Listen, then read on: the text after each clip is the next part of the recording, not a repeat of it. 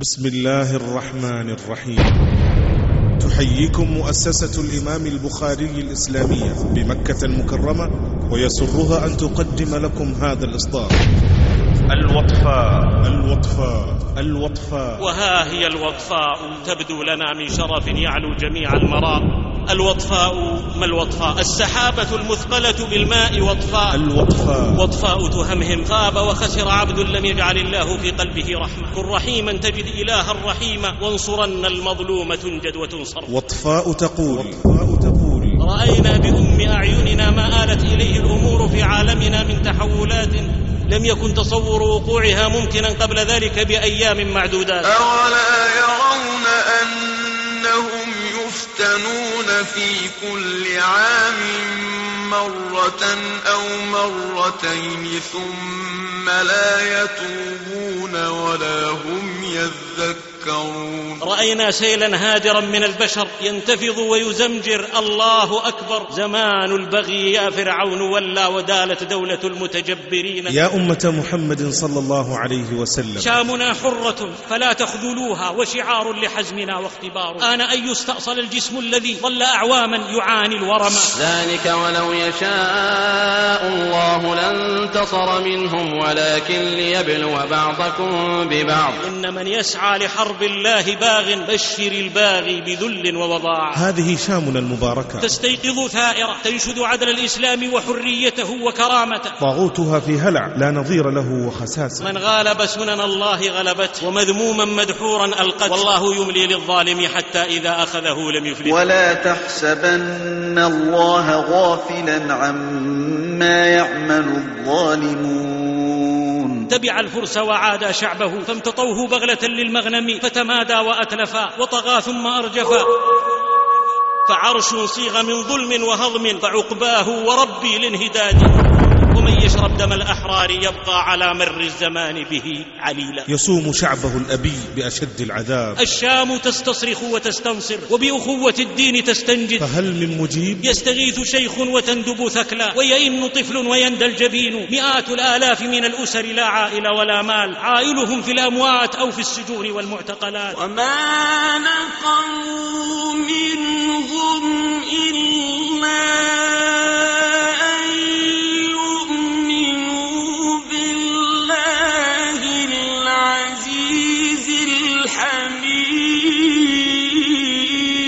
ودأب تحالف الباطل في الاصطفاف والتفنن في الكيد والمكر في محاولة يائسة لإطفاء ذلك النور وهيهات هيهات. يريدون أن يطفئوا نور الله بأفواههم ويأبى الله إلا أن يتم نوره ويأبى الله إلا أن يتم نوره.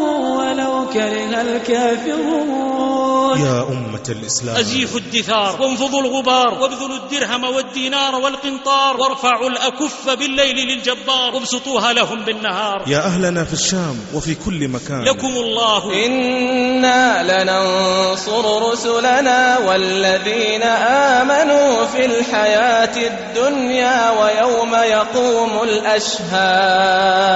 وإن النصر آت وبقاء الظالم شيء مستحيل. عاشق الموت في الميادين يظفر. وعروس الفردوس بالدم تمهر. إذا ما المخرج من هذه الجراح؟ والذي رفع السبع وفجر النبع لن تضمد الجراح ويتم الإصلاح وننال الفلاح حتى نحكم حياتنا بهدى وأخلاق القرآن. والسير على هدي سيد الأنام. لا دعوى إلا ببين. من ادعى محبة الله ولم يسر على سنة سيد الأمم فذاك كذاب أخو ملاهي كذب دعواه كتاب الله. قل إن كنتم تحبون الله فاتبعوني يحببكم الله ويغفر لكم ذنوبكم والله غفور رحيم.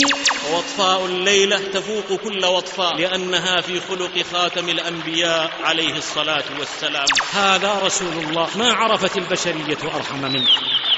وما دب على البسيطة من هو أرأف منه. رحم الله به العدو والصديق والقريب والبعيد. أحب المساكين وأنصف المظلومين. وعفى عن المسيئين. ورحم المخالفين. أكرم المرأة. وعطف على الصبية وأشفق على البهيمة. زكاه ربه. وأحبه صحبه. وشهد له خصمه. ما استحسن الناس من أكرومة سلفت إلا رأوها على استحسان هذه. مثل أعلى. أسوة حسنى. وهو أرحم الخلق بالمؤمنين. هو الحريص عليهم والرحيم. بهم كأنه في الوراء صبر على الأذى ولم ينتقم وينتصر لنفسه. ولما اشتد الأذى عليه ولحقه من الهم ما لحق واستأذنه ملك الجبال أن يطبق عليهم الأخشبين غلبت رحمته انتصاره لنفسه. بل أرجو أن يخرج الله من أصلابهم من يعبده وحده لا شريك له. إنه الرحمة المهداة. لا تقر عينه صلوات الله وسلامه عليه حتى تسلم أمته وتدخل الجنة بكرم الله ومنته. قدم أمته على نفسه. وادخر لهم دعوة ممنوحة من ربه. فداك أبي رحم. ضعف الأيتام. فأحسن إليهم. وأشفق عليهم. وأوصى بهم. ومسح على رؤوسهم. ومن رحمته. رحم ضعف الشيخ الكبير وجعل إكرامه من إجلال العلي الكبير. إنه نبي الرحمة.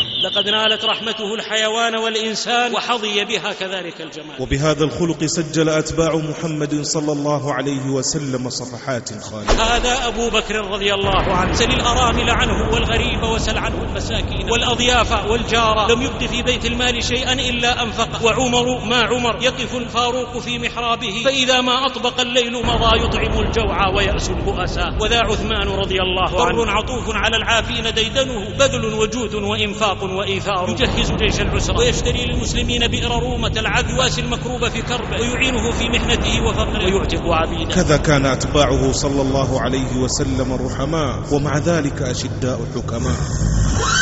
أخيرا أيها الجيل دونك المثال الحي لوطفاء الرحمة يا أخي ووداعا ووداعا وإلى ملتقى إن لم يحل من حائل. الوطفاء. يا أيها الظمآن رد بابها تروك من أبحر محاضرة لفضيلة الشيخ علي بن عبد الخالق القرني. الحمد لله. الحمد لله فاطر السبع الطباق مقسم الآداب والأرزاق الهادي لأحسن الأخلاق مالك يوم التلاق. نحمده على آلاء تملأ الآفاق ونعم تطوق القلوب والأعناق. نعم توالى لو نقوم بحقها لله بتنا راكعين وسجدا. وأشهد أن لا إله إلا الله وحده لا شريك له شهادة ندخرها للحظة الفراق والتفاف الساق بالساق وإلى الله المساق. وأشهد أن محمدا عبده ورسوله سيد ولد آدم على الإطلاق. خير من ركب البراق وتمم مكارم الأخلاق. دعا والغي بالأمواج طامي فأضحى الحق مرفوع المقام. وامسى الغي مخفوض البنام تضاءل ثم ولى في انهزام وركن الحق صار به مشيدا وأركان الضلالة في انهدام. صلى عليه الله ثم سلم ما دامت الأرض وما دام السماء وما انتهى أمر وتم وانقضى. وعلى أبي بكر فقد سبق الورى فضلا وتصديقا له مذ اسلما وعلى الفتى عمر الذي بجهاده في الله حل بسيفه ما استبهما وعلى شهيد الدار عثمان الذي منه قد استحيت ملائكة السماء وعلى أبي السبطين حيدرة الذي ما زال في الحرب الهزبر الضيغما ما بدر تم في دجى الليل اضاء والآل والأصحاب والأزواج ما غطمط العجاج بالأمواج. وكل بر قفى آثارهم فسما بمنهج الله يعلو هامة القمم. ما افتر ثغر الربا من وبل غادية وما دعا الله حجاج بملتزم. يا أيها الذين آمنوا اتقوا الله حق تقاته ولا تموتن إلا وأنتم مسلمون. أما بعد فيا نفوسا أحسبها نقية وذمما وفية وهمما عالية وقيما غالية وليوثا غادية وخيولا عادية وشموسا مضيئة ووجوها وضيئة. لكم مني التحية والسلام وحبي أيها الشم الكرام. سلام يستهل به الكلام ومن أدب المحاضرة السلام. تحييكم به من قبل لفظ عواطف في الضمير لها ارتسام يمحى بها غم وتنشرح الصدور أشهى إلى المشتاق من لثم الثغور. فالسلام عليكم ورحمة الله وبركاته. سلاما يبعث التأنيس والتنفيس لا يقبل التمويه والتدليس متتابعا كتتابع الأيام لا يذر التعاقب جمعة وخميسا. وأهلا وسهلا ما تألق بارق وقهقه رعد في دياج الغياهب وما أمطرت جون السحائب في الفلا وأومض في أفق السماء من كواكب. لا هيض جناحكم ولا ركدت رياحكم ولا عاش من يشناكم. سدد الله خطاكم ورؤاكم وكفاكم كيد من كاد لكم ووقاكم كل ضر ومضض. من زوى وجه حسود وانقبض وهفى للذكر قلب ونبض. دمتم بخير وفي نعمة ما افتقر النحو لتصريفه وأسعدتم نزولا وارتحالا وبارك فيكم المولى تعالى. معشر الإخوة. ونحن نعيش يوما وزمنا يصدق فيه زمن به الإسفاف راجت سوقه وبل المقدم فيه بالمتأخر ركن الحضارة فيه فحش كامن مع لوثة الإلحاد تحت الأسطر ينبغي ونحن نعيش هذا الزمن أن نعلم أن سنة الله وقضاءه الذي لا يرد إنه لا يفلح الظالمون وإن العاقبة للمتقين من غالب سنن الله غلبته ومذموما مدحورا ألقته والله يملي للظالم حتى إذا أخذه لم يفلت والتترس بالقوة في معاندة الحق وأهله عاقبته الخيبة والتبار فاعتبروا يا أولي الأبصار عاند وعاد اليهود في المدينة رسول الله صلى الله عليه وسلم وظنوا أنهم مانعتهم حصونهم من الله فجاءهم عقاب الله من حيث لا يحتسبون. قذف في قلوبهم الرعب فصاروا يخربون بيوتهم بأيديهم وأيدي المؤمنين.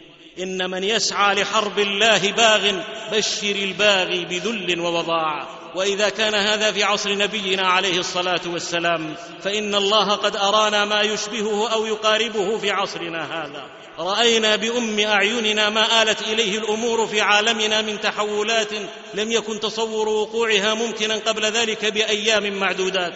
رأينا سيلا هادرا من البشر ينتفض ويزمجر. الله أكبر.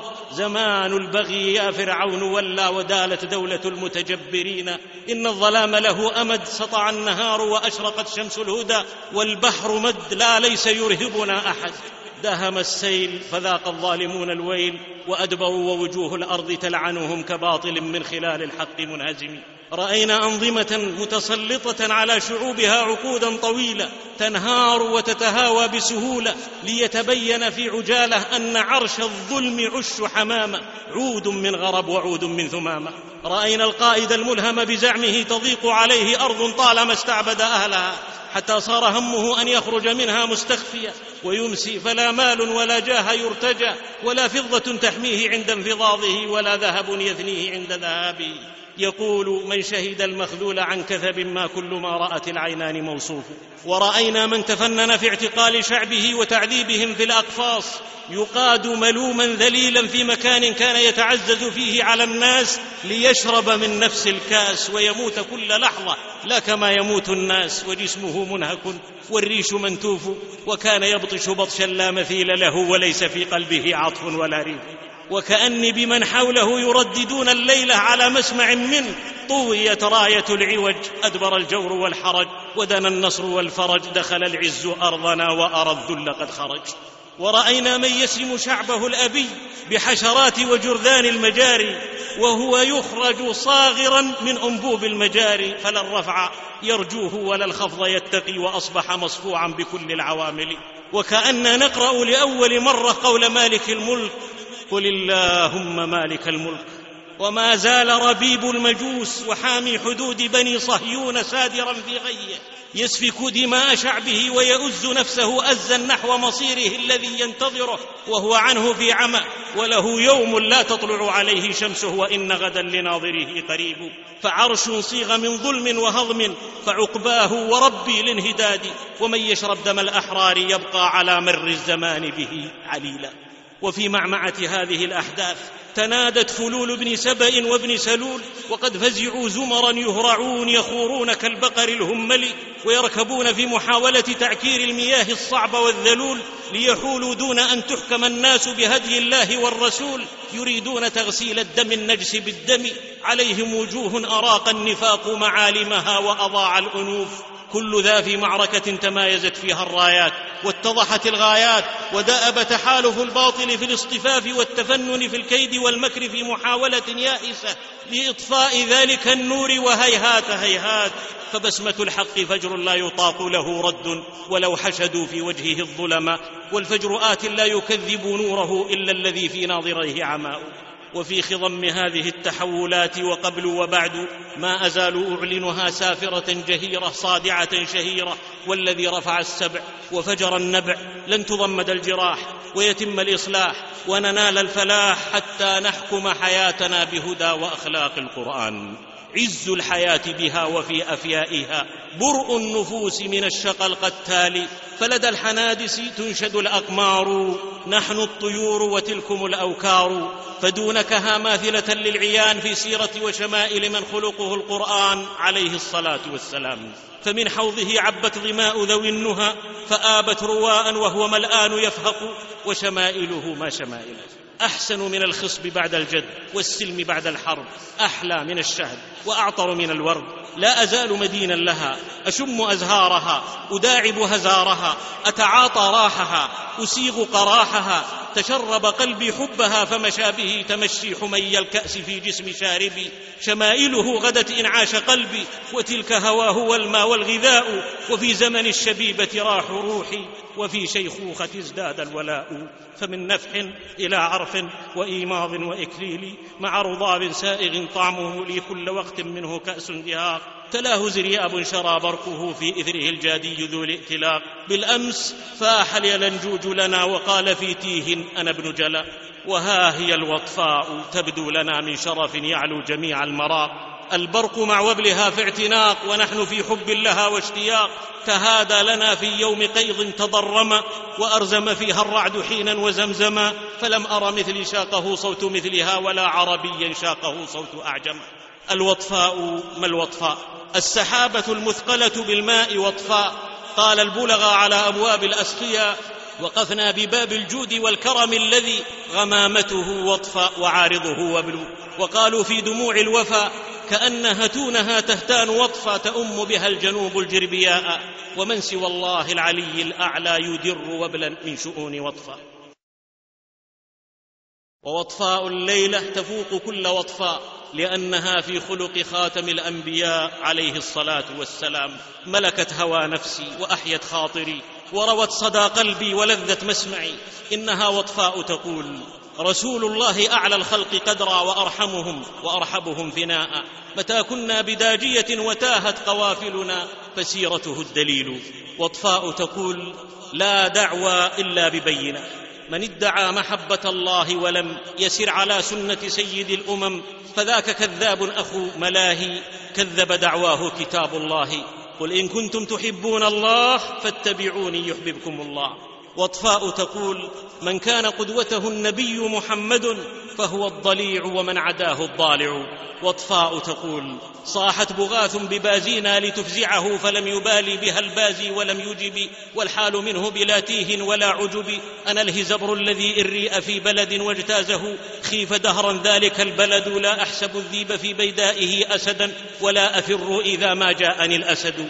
إنها وطفاء تمطر حروفا من صاب وخردل وعلقم وجندل وسم وحنظل على كل ذي ذؤاج وشحيج وخوار وضجيج ونهيق وعجيج من مكابر لئيم ومعتد أثيم يحاول النيل من جناب الله العلي العظيم ومقام النبي ذي الخلق العظيم وكل صحابي كريم. تقول اخس أما الصفر مثل السبائك. تنحى ابن ثفر الكلب عن كل شامخ فإنك لن تستطيع تلك الروابي.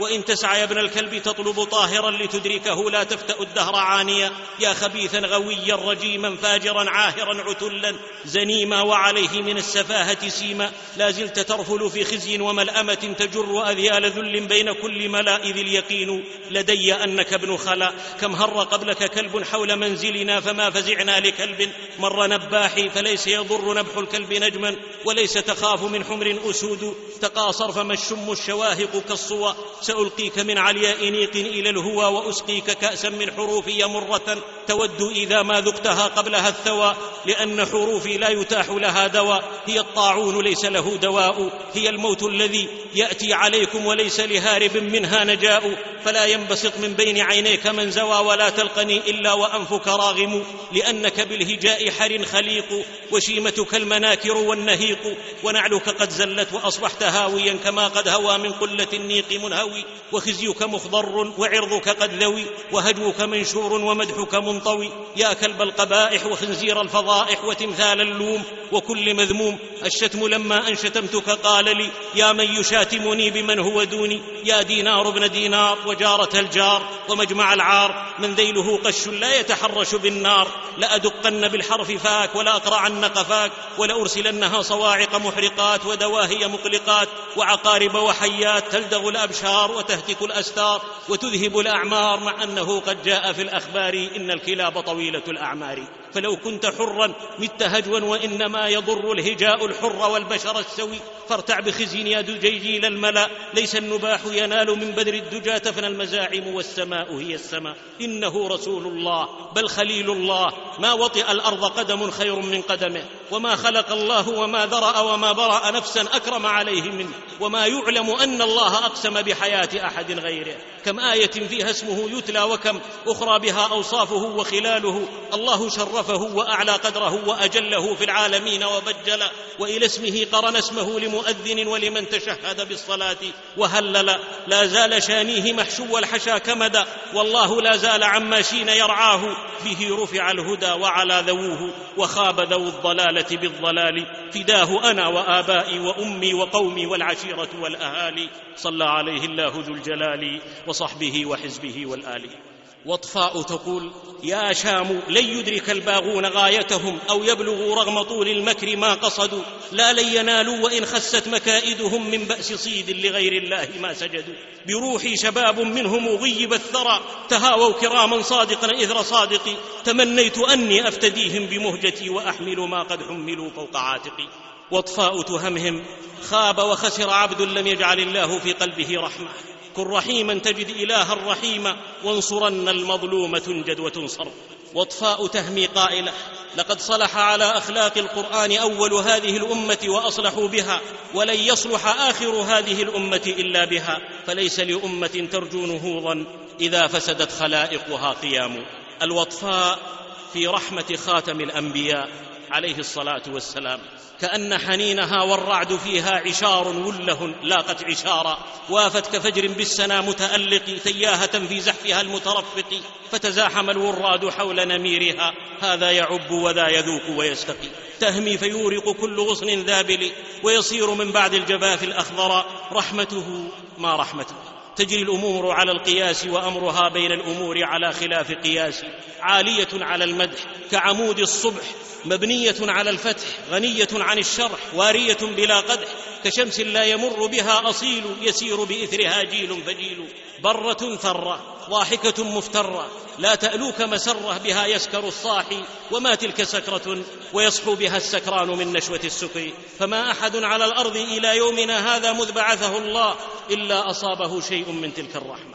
سرت نفحة منها إلينا كأنها نسيم الصبا جاءت بري القرنفل إنها رحمة من قال عن نفسه إنما أنا رحمة ومن قال عنه من كتب على نفسه الرحمة وما أرسلناك إلا رحمة. صلى عليه الله ثم سلم ما دامت الأرض وما دام السماء. كان صلى الله عليه وسلم أرحم الناس. منارة رحمة وغمام بر تبوأ في ذرى كل مقاما فكم قد سح وبلا بعد وبل وكنا قبله نسقى الجهاما كان شديد الحرص على هداية الأمة وإصلاحها وإبعادها عن كل ما يضرها. فتحت الثرى آساس رحمته رسى وأعلاه فوق المشتري والنعائم. شواهد رحمته ثابتة منقولة أسانيدها موصولة أصولها محررة آثارها مقررة باقية خالدة ناطقة شاهدة تواترت أمثالها السائرة. يمشي بها في الأرض أهل التقى وفي السماء أجنحة طائرة. يا أيها الظمآن رد بابها تروك من أبحرها الزاخرة. قال عليه الصلاة والسلام إنما مثلي ومثلكم كمثل رجل أوقد نارا فجعل الجنادب والفراش يقعن فيها وهو يذبهن عنها. فأنا آخذ بحجزكم عن النار وأنتم تفلتون من يدي. فمقاله يا قومنا حل البيان وشنفا والعطف كان منكرا وبما يقول تعرفا قدم أمته على نفسه وادخر لهم دعوة ممنوحة من ربه بتكرم إن قلت سحر لم يسعني أن يكون حرام ذاك حلاله في الصحيحين أنه قال لكل نبي دعوة مستجابة فتعجل كل نبي دعوته وإني اختبأت دعوتي شفاعة لأمتي يوم القيامة. فهي نائلة إن شاء الله من مات من أمتي لا يشرك بالله شيئا. فحل من القلوب وكان أهلا لذاك محل حبات القلوب. بأبي هو وأمي وروحي أنلام على حبه وقد آثرنا على نفسه وادخر لنا دعوته يوم يفر المرء من أخيه وأمه وأبيه وصاحبته وبنيه. أما إنه لا يلومنا على حبه إلا كافر لم يؤمن به أو منافق يخفي كفره أو جاهل لا يعرف فضله فمن خلا من حبه قلبه فليس عندي من بني آدم. لقد تجاوزت رحمته حدود عصره فدعا لمن تحمل مسؤولية الأمة فرفق بها من بعده بقوله اللهم من ولي من أمر أمتي شيئا فرفق بهم فارفق به. فألفاظها شيء من السحر يؤثر. تجوز بلا إذن على الأذن خفة. كأن الزلال العذب منها يفجر. لا تقر عينه صلوات الله وسلامه عليه حتى تسلم أمته وتدخل الجنة بكرم الله ومنته. ما زال رافعا يديه يبكي ويقول أمتي أمتي. فلم يهدأ حتى أعطاه ربه. إنا سنرضيك في أمتك ولا نسوءك. تزري بعرف الروضة المعطار فيميل من أصغى لها وكأنما ناولته منها كؤوس عقار. إنها رحمة من وصفه الله باسمين من أسمائه الحسنى فكان له منهما الحظ الأوفر الأسنى. صلى عليه الله ثم سلم ما دامت الأرض وما دام السماء. كان صلى الله عليه وسلم أرحم الخلق بالمؤمنين. هو الحريص عليهم والرحيم بهم كأنه في الورى أم لهم وأبو. شواهد رحمته بالمؤمنين دل عليها الوحي المبين. قال ربي وربكم ورحمة للذين آمنوا منكم. إنه أرحم وأرأف بالمؤمنين من آبائهم وأمهاتهم وأنفسهم. النبي أولى بالمؤمنين من أنفسهم. ثبت عنه أنه قال ما من مؤمن إلا وأنا أولى الناس به في الدنيا والآخرة. لما فرض الله الصلاة عليه خمسين ما زال يراجع ربه حتى خففت لخمس بخمسين. ولما فرض الحج قال رجل أكل عام يا رسول الله؟ قال لو قلت نعم لوجبت ولما استطعتم ذروني ما تركتكم. وقال عليكم من الأعمال ما تطيقون فإن الله لا يمل حتى تملوا. إن هذا الدين يسر ولن يشاد الدين أحد إلا غلب. فسددوا وقاربوا وأبشروا. وكثيرا ما كان يقول لولا أن أشق على أمتي لأمرتهم بالسواك عند كل صلاة. لأمرتهم أن يؤخروا العشاء إلى ثلث الليل أو نصفه ولولا أن أشق على الناس ما تخلفت عن سرية تغزو في سبيل الله. إن كان ليدع العمل وهو يحب أن يعمل به خشية أن يفرض عليهم فيعجزوا.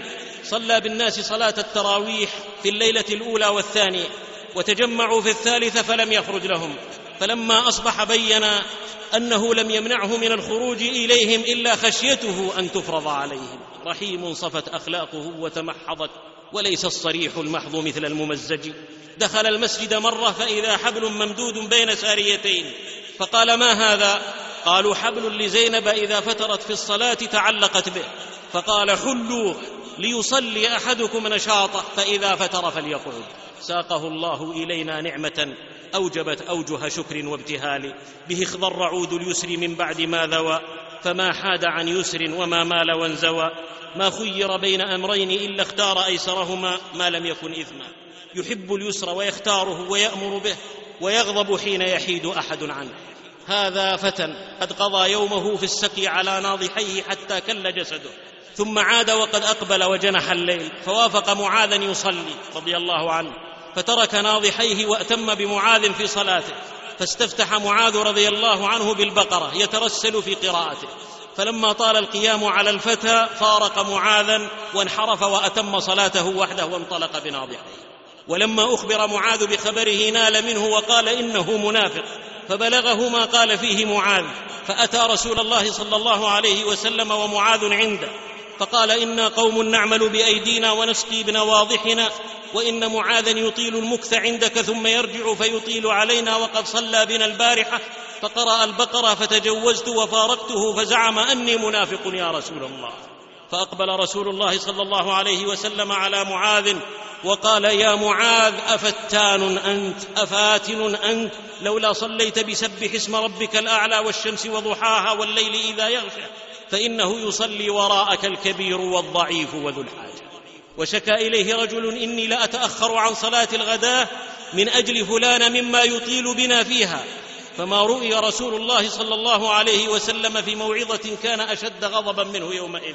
وهو يقول أيها الناس إن منكم منفرين من أما الناس فليوجز فإن فيهم الضعيف والكبير وذا الحاجة. كأن حروفها قطع الجمان بمنزلة الربيع من الزمان ولم يزل مهديا في كل آونة فريدة لو رأتها الشمس لافتضحت فقد ظهرت أبهى صور رحمته في قوله إني لأدخل في الصلاة وأنا أريد أن أطيلها فأسمع بكاء الصبي فأتجوز فيها كراهية أن أشق على أمي. ما إن وعت أذن معنى بلاغتها إلا وأمست بها الأعطاف قد ثملت. معشر الإخوة. وما تقدم من عدم مشقته على أمته في العبادة إنما كان القصد منه كراهية الغلو الذي يضر فيه العبد بجسمه أو يفرط في حقوق غيره. أما الاجتهاد في العبادة والمداومة عليها في حدود الطاقة فذاك مما يرغب فيه ترغيبا حثيثا ويطلبه طلبا اكيدا. طوبى لممتثل ما يأمرن به وذي اجتناب عن المنهي وقاف صلى عليه الله ثم سلم ما دامت الأرض وما دام السماء. كان صلى الله عليه وسلم أرحم الخلق بالخلق. أعطاه خالقه من فضله خلقا مهذبا لينا مستعذبا دمثا يمحو عن الأمة الاثار والخبث عامل في رحمة من أخطأ معاملة واقعية صادرة عن معرفة بالنفس البشرية فقلما واجه مخطئا بشيء يكرهه في وجهه بل ينهى عن إعانة الشيطان عليه ويذكره بخير ما فيه. فما أتاه مخطئ إلا انثنى يفديه بالأعمام والأخوال. هذا عبد الله رضي الله عنه. كان يضحك رسول الله صلى الله عليه وسلم ويؤتى به ثملا من الشراب فيجلده. ولما جلده يوما قال رجل من القوم اللهم لعنه ما أكثر ما يؤتى به. فقال مبينا منزلته وحافظا له حقه ومحذرا أن يستطال عليه بأكثر من عقوبته. لا تلعنوه. فوالله ما علمت إلا أنه يحب الله ورسوله. فحال عبد الله أي رسول الله ختمت بقلبي فيك عقد محبتي. فلا الختم مفكوك ولا العقد يفسخ. وأتي برجل قد شرب فقال اضربوه فمنهم الضارب بيده ومنهم بنعله ومنهم بثوبه. فلما انصرف قال بعض القوم أخزاك الله. فقال صلى الله عليه وسلم ما معناه؟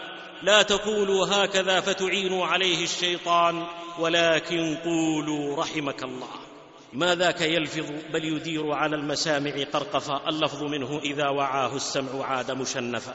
هذا شاب يأتيه ويفضي له بحاجة نفسه على خصوصية ما أفضى به وقبحه. ائذن لي في الزنا يا رسول الله؟ زجره الصحابة ونهروه مهمة. يا أيها المستأذن ارجع لا تقع في مهمة لا ينتهي. فمهمة وفي غاية لطف ورحمة. قال له نبي الرحمة أدن. فدنا حتى جلس بين يديه. فلفت ذهنه إلى بشاعة ما يطلبه مستثيرا لظى غيرته وحميته. مصورا له ما يطلبه في أدنى حرمه أتحبه لأمك؟ قال لا والله جعلني الله فداك يا رسول الله. أتحبه لابنتك لأختك لعمتك لخالتك؟ والجواب هو هو لا والله يا رسول الله. فيقول وكذلك الناس لا يحبون بهذه اللمسات العاطفية أدرك أن ما طلبه خطيئة تلوث قلبه وتفسد فطرته. فقال ادعو الله أن يطهر قلبي يا رسول الله. فوضع يده على صدره. وقال اللهم اغفر ذنبه وطهر قلبه وحصن فرجه فلم يلتفت بعدها لشيء أبدا وحاله لو أقسم.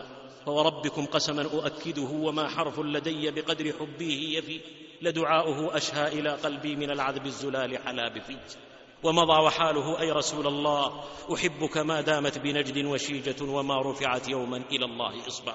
لقد كان لكم في رسول الله أسوة. صلى عليه الله ثم سلم. ما دامت الأرض وما دام السماء. كان صلى الله عليه وسلم أحن على الأطفال من أم واحد فلقد رأى في جمعهم أبناءه ولقد رأوا في بره بهم أبا. رحمته صلى الله عليه وسلم بالأطفال عذبه المذاق مديدة الرواق محكمة الميثاق باهرة الإشراق بل اثمد الأحداق. يود الطرف يجعلها اكتحالا مكان سواده دون اغتماض. قال أنس رضي الله عنه وقد ربى في ظلال رحمته. ما رأيت أحدا كان أرحم بالعيال من رسول الله صلى الله عليه وسلم. فحنانه من قاسه بحيا الحيا ما أنصف. هيهات لم يصلح سواه بمثل ذا أن يوصف. يذكر أنس رضي الله عنه أنه انطلق معه إلى ابنه إبراهيم وهو عند مرضعته في عوالي المدينة. فقبل إبراهيم وشمه وضمه ومضى وحاله. يا طيب نشر هب لي من خده فاثار كامن لوعتي وتشوقي. أسكنته قلبي وأصبح حبه من دون أقوات البرية قوتي. قال أنس ثم دخلنا بعدها على إبراهيم وهو يجود بنفسه فجعلت عينا رسول الله صلى الله عليه وسلم تذرفان. فقال ابن عوف رضي الله عنه وأنت يا رسول الله؟ قال يا ابن عوف إنها رحمة. ثم أتبعها بأخرى دمعة بأخرى أو جملة بأخرى قائلة. العين تدمع والقلب يحزن ولا نقول إلا ما يرضي ربنا وإنا لفراقك يا إبراهيم لمحزون. وحاله سيبقى ما حييت له بقلبي وداد لا تغيره الليالي. لقد كانت رحمته بالصبية مثار عجب ودهشة في مجتمع لم يعهد مثل تلك الرحمة فأشاع ذاك العطف فيه بعدما كان انطفى.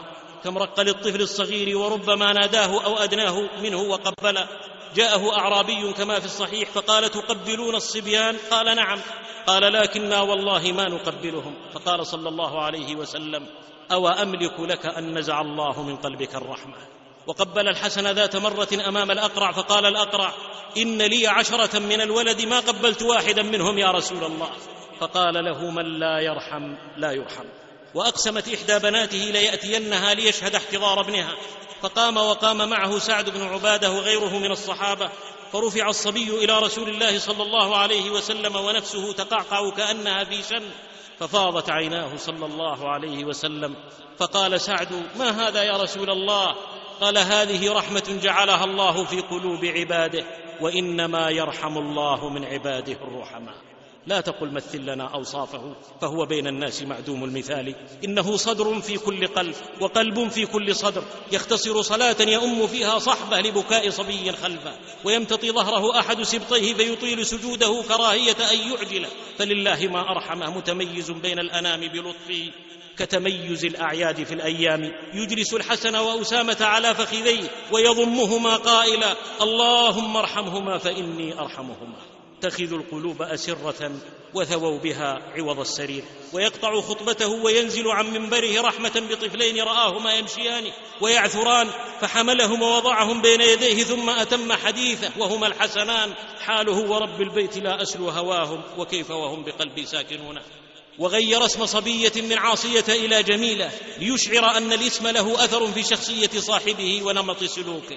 فزان أسماءه عدل ومعرفة وسعدها في دوام غير منصرف تمد نحو الثريا كف مقتطف ويؤتى بابن لعبد الله بن سلام رضي الله عنه إليه فأقعده في حجره ومسح على رأسه وسماه يوسفا وأراه وجها بالرضا متهللا. وأخر إفاضته من عرفة في انتظار غلام أسود أفطس حتى أردفه خلفه. وهو أسامة حبه وابن حبه. يؤتى بباكورة الثمرة فيدعو أصغر وليد ويدفعها له. ولو كانت له الدنيا لأعطاها وما بالا. يوصي بالصبية إذا كان جنح الليل. فكفوا صبيتكم فإن الشياطين تنتشر حينئذ. ويستقبلهم ويمسح خدودهم بيمينه. وحال من مسته يده والله والله أيمانا أكررها لو أنني بعت دنياي وزخرفها بمسحة منه ما بيعي بمغبون. وإذا كان من عادة الرؤساء أن يستقبلوا عند قدومهم من الأسفار بالكبار والوجهاء والأعيان فإن سيد ولد آدم أجمعين كان يستقبل من أهل بيته بالأطفال.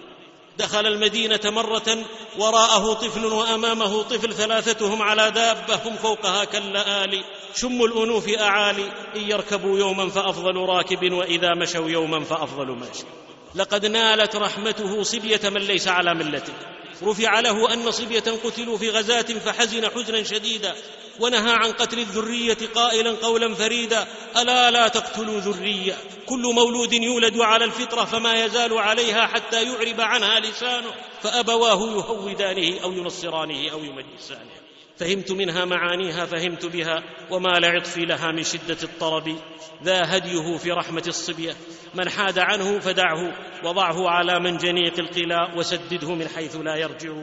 لقد كان لكم في رسول الله أسوة. صلى عليه الله ثم سلم. ما دامت الأرض وما دام السماء. كان صلى الله عليه وسلم أرحم الخلق بالضعفاء. حكى زهر الربيع الغض نفحا وفاق بغمر رحمته القطار. فأحدث عطفه فيهم سرورا فأنبت في الخدود الجل نارا. قاموس رحمته بالضعفاء ضخم ونحوها رفع ونصب لا خفض فيه ولا كسر. يأتيهم يزورهم يعود مرضاهم بوجه أتيح لشرح الصدور وجلب السرور ودفع الأذى. يشهد جنائزهم ويبين مكانتهم ويوصي بهم أبغوني ضعفاءكم إنما ترزقون وتنصرون بضعفائكم. لما قال له أشراف قريش اطرد هؤلاء الضعفاء لا يجترئون علينا يعنون خبابا وبلالا وصهيبا وعمارا. فأنزل الله تبارك وتعالى ولا تطرد الذين يدعون ربهم بالغداة والعشي يريدون وجهه. فحاله من قبل ومن بعد ففي ناظري عن سواهم عمى وفي أذني عن سواهم صمم. هذه امرأة سوداء كانت تقم المسجد ففقدها.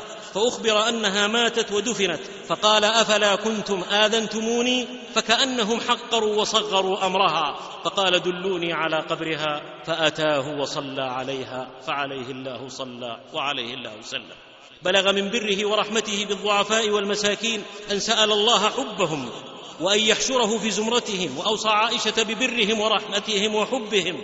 حسن الألباني ما معناه. اللهم أحيني مسكينا وأمتني مسكينا واحشرني في زمرة المساكين. يا عائشة لا ترد المسكين ولو بشق تمرة. أحب المساكين وقربيهم فإن الله يقربك بذا يوم القيامة. وبشرهم بالنور التام يوم القيامة ودخول الجنة قبل الأغنياء بنصف يوم بخمسمائة سنة.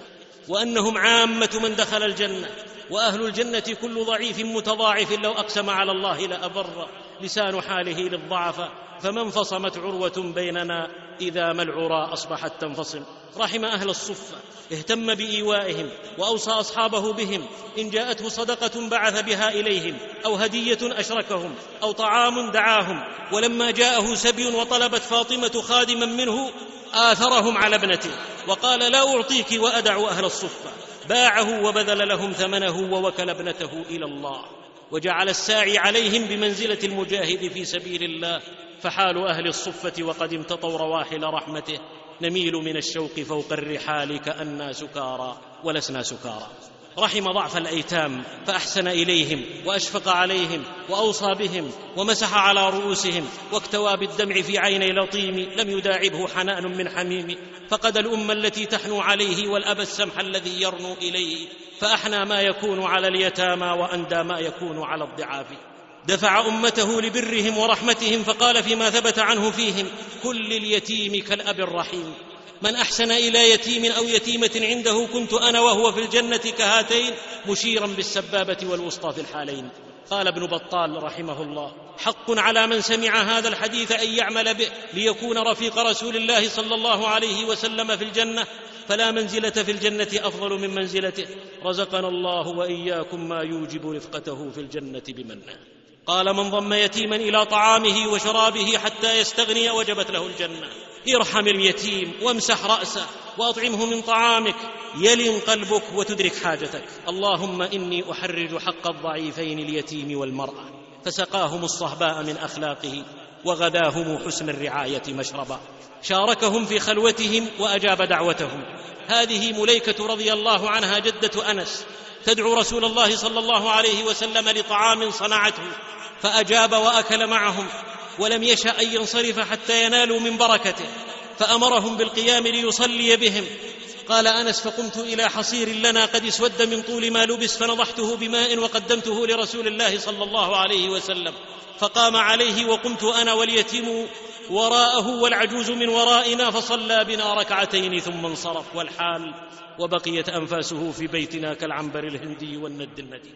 كان يضم الأيتام يجبر كسرهم يسد عوزهم يجعلهم كأهل بيته. خلف جعفرا في أهله ودعا لعبد الله ابنه بالبركة في بيعه وعال صبية أبي سلمة من بعده ورباهم خير تربية. فحال كل يتيم عنده وإني وإن واريت أمي أو أبي فرحماك لي أم وبرك لي أبو. على أنني شوقا أحن إليهم حنينا كما قد حن للبرء أجرب. فصلى عليه الله ما در عارض وما لاح في السبع الطرائق كوكب. رحم ضعف الشيخ الكبير وجعل إكرامه من إجلال العلي الكبير. إن من إجلال الله إكرام ذي الشيبة المسلم. أمرني جبريل أن أقدم الأكابر. من لم يوقر كبيرنا فليس منا. جاء أبو بكر بأبيه عام الفتح يقوده نحو رسول الله صلى الله عليه وسلم ورأسه كالثغامة بياضا من شدة الشيخ. فرحم النبي صلى الله عليه وسلم شيخوخته وقال هل لا تركت الشيخ في بيته حتى أكون أنا آتيه فيه؟ قال أبو بكر رضي الله عنه هو أحق أن يمشي إليك يا رسول الله من أن تمشي إلي فأشهد ما في الناس من متأخر يدانيك في فضل ولا متقدم. رضي الله عن أبي بكر وأرضاه. وها هو ذا يقسم وهو الصادق بلا قسم والذي نفسي بيده لا يضع الله رحمته إلا على رحيم.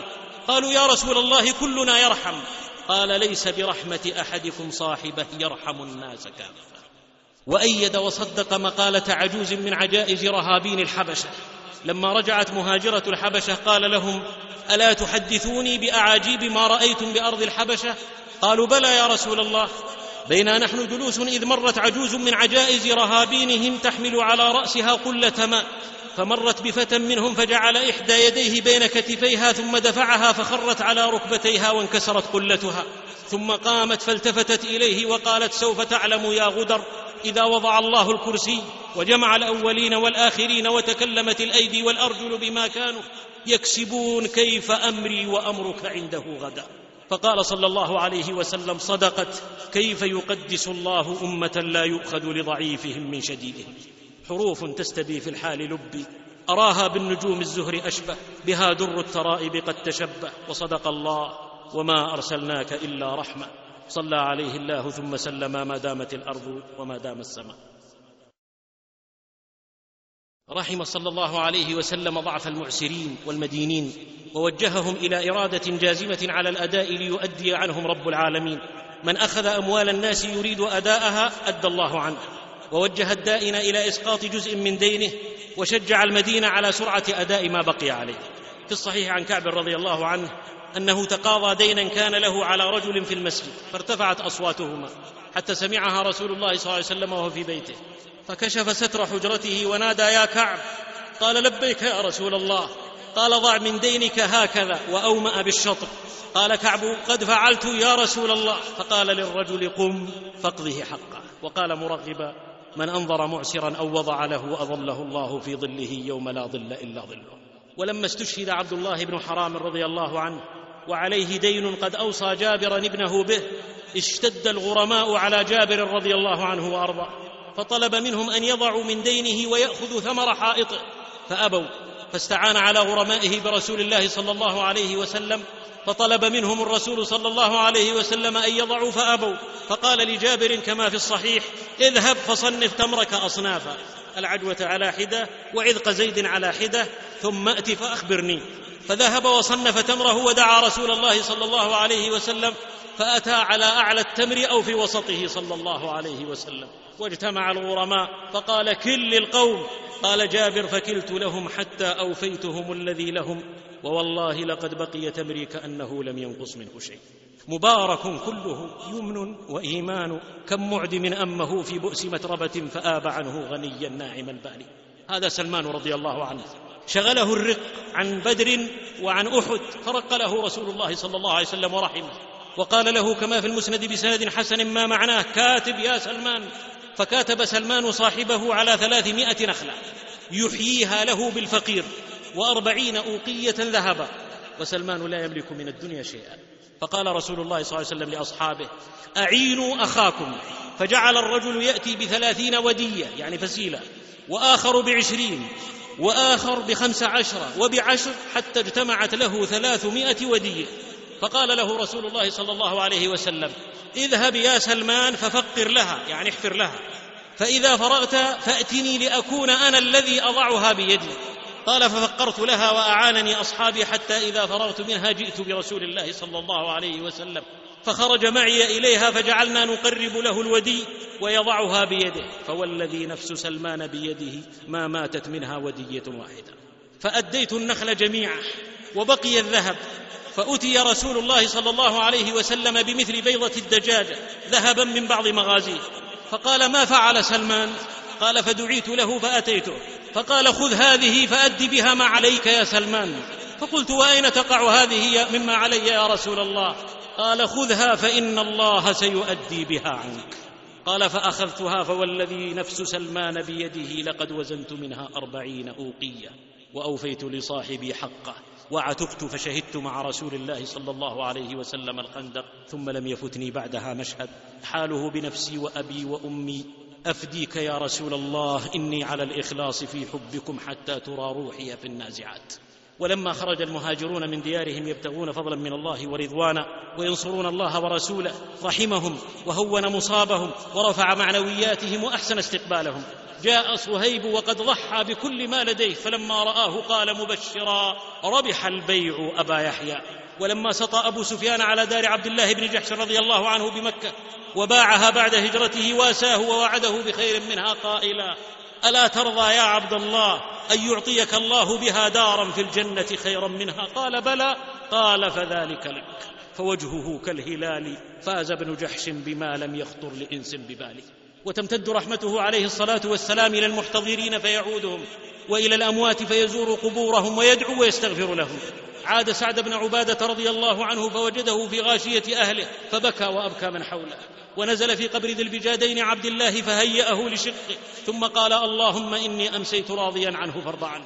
ولما أخبر بوفاة عثمان بن مضعون رضي الله عنه أسرع إلى بيته فأكب عليه وقبله وعيناه تذرفان ووقف على شفير قبر ابنته وعيناه تهملان. وفي عام الحديبية وقف على رسم قبر فأطال عنده بكاء ففزع الصحابة وسألوه عن سبب بكاه فقال ما معناه إن القبر الذي رأيتموني أناجيه قبر آمنة بنت وهب أمي. استأذنت ربي في زيارتها فأذن لي ثم استأذنته في الاستغفار لها فلم يأذن لي فأخذني من الرقة ما يأخذ الولد لوالده. يقول أحد الصحابة فما رؤيت ساعة كثر فيها البكاء كتلك الساعة. وصدق الله رب العالمين وما أرسلناك إلا رحمة للعالمين. صلى عليه الله ثم سلم. ما دامت الأرض وما دام السماء. رحم صلى الله عليه وسلم ضعف الخادم والمملوك والأجير رحمة ثرة المنابع يشار إليها بالأصابع فوق ما لذ من عسل فوق ما طاب من جنى. أوصى بالإحسان اليهم وحذر من إيذائهم وصاغ لهم من كل ما ينعش النهى روائع لم يبذل لهن نقاب. في الآثار الصحيحة ما مضمونه إخوانكم خولكم جعلهم الله تحت أيديكم فمن كان أخوه تحت يده فليطعمه مما يأكل وليلبسه مما يلبس ولا يكلفه من العمل ما يغلبه فإن كلفه ما يغلبه فليعنه من لطم مملوكه أو ضربه فكفارته أن يعتقه ولما ضرب أبو مسعود غلاما له قال له اعلم أبا مسعود لله أقدر عليك منك عليه فقال هو حر لوجه الله يا رسول الله فبين صلى الله عليه وسلم أن ذلك هو الحل الوحيد له أما إنك لو لم تفعل للفحتك النار فحال كل خادم ومملوك نزلنا دوحه فحنى علينا حنو المرضعات على الفطيم. هذا هو الغيث الذي يحيي ولا يؤذي ومن ناواه برق خلب. خدمه ربيعة بن كعب فحنى عليه وعرض عليه أن يزوجه فشكى قلة ذات يده. فرحمه ثم أمره فيما روي أن يذهب لحي من الأنصار ويقول إن رسول الله صلى الله عليه وسلم يقرئكم السلام ويأمركم أن تزوجوني فلانا. فذهب على استحياء وبلغهم فقالوا مرحبا برسول الله صلى الله عليه وسلم وبرسول رسول الله. والله لا يرجع رسول رسول الله صلى الله عليه وسلم إلا بحاجته. وأكرموه وزوجوه وألطفوه وجمع له رسول الله صلى الله عليه وسلم الصداق والوليمة وحال ربيعة ضاقت فوسعها وإن فضاءها لولاه. من سم الخياط لأضيق. وجاء رجل فقال يا رسول الله كم نعفو عن الخادم؟ قال اعفوا عنه كل يوم سبعين مرة. وإن فضاءها لولاه من سم الخياط لأضيق. وجاء رجل فقال يا رسول الله كم نعفو عن الخادم؟ قال اعفوا عنه كل يوم سبعين مرة. حان عليهم شافع إحسانه فيهم فمنه العطف والتوكيد. ورحم الأجير وأمر بتعجيل حقه وحذر من بخسه. أعطوا الأجير أجره قبل أن يجف عرقه. وأخبر أن الله خصم ثلاثة. منهم رجل استأجر أجيرا فاستوفى منه ولم يعطه أجره. لقد احتضنهم وأكرمهم حيا وأوصى بهم من بعده خيرا. فما زال يقول وهو يجود بروحه الصلاة الصلاة وما ملكت أيمانكم حتى ما أفاض بها لسانه. كانسام الخزامة والبشامة وعرف الفل أو كاذي تهامة. فيا معشر الإخوة لقد كان لكم في رسول الله أسوة. صلى عليه الله ثم سلم ما دامت الأرض وما دام السماء. ورحم صلى الله عليه وسلم ضعف النساء. أوصى بهن مرغبا أتباعه وأطال حينا في الوصايا واختصر. خاطب في حجة الوداع مائه ألف قائلا واستوصوا بالنساء خيرا. وفي هديه من أحسن إلى بنياته كن له من النار سترا. وشبههن مرة بالأسيرات وأخرى بالقوارير ليوجب على الأمة عناية بهن ورفقا. المرأة خلقت من ضلع فإذا ذهبت تقيمه كسرته وكسرها طلاقها. هي الضلع العوجاء لست تقيمها ألا إن تقويم الضلوع انكسارها. والحل في هديه صلى الله عليه وسلم لا يفرك مؤمن مؤمنة إن كره منها خلقا رضي منها آخر. ما ضرب بيده امرأة وخير الناس عنده خيرهم لأهله وليس من خيار الناس في هديه من ضرب امرأة.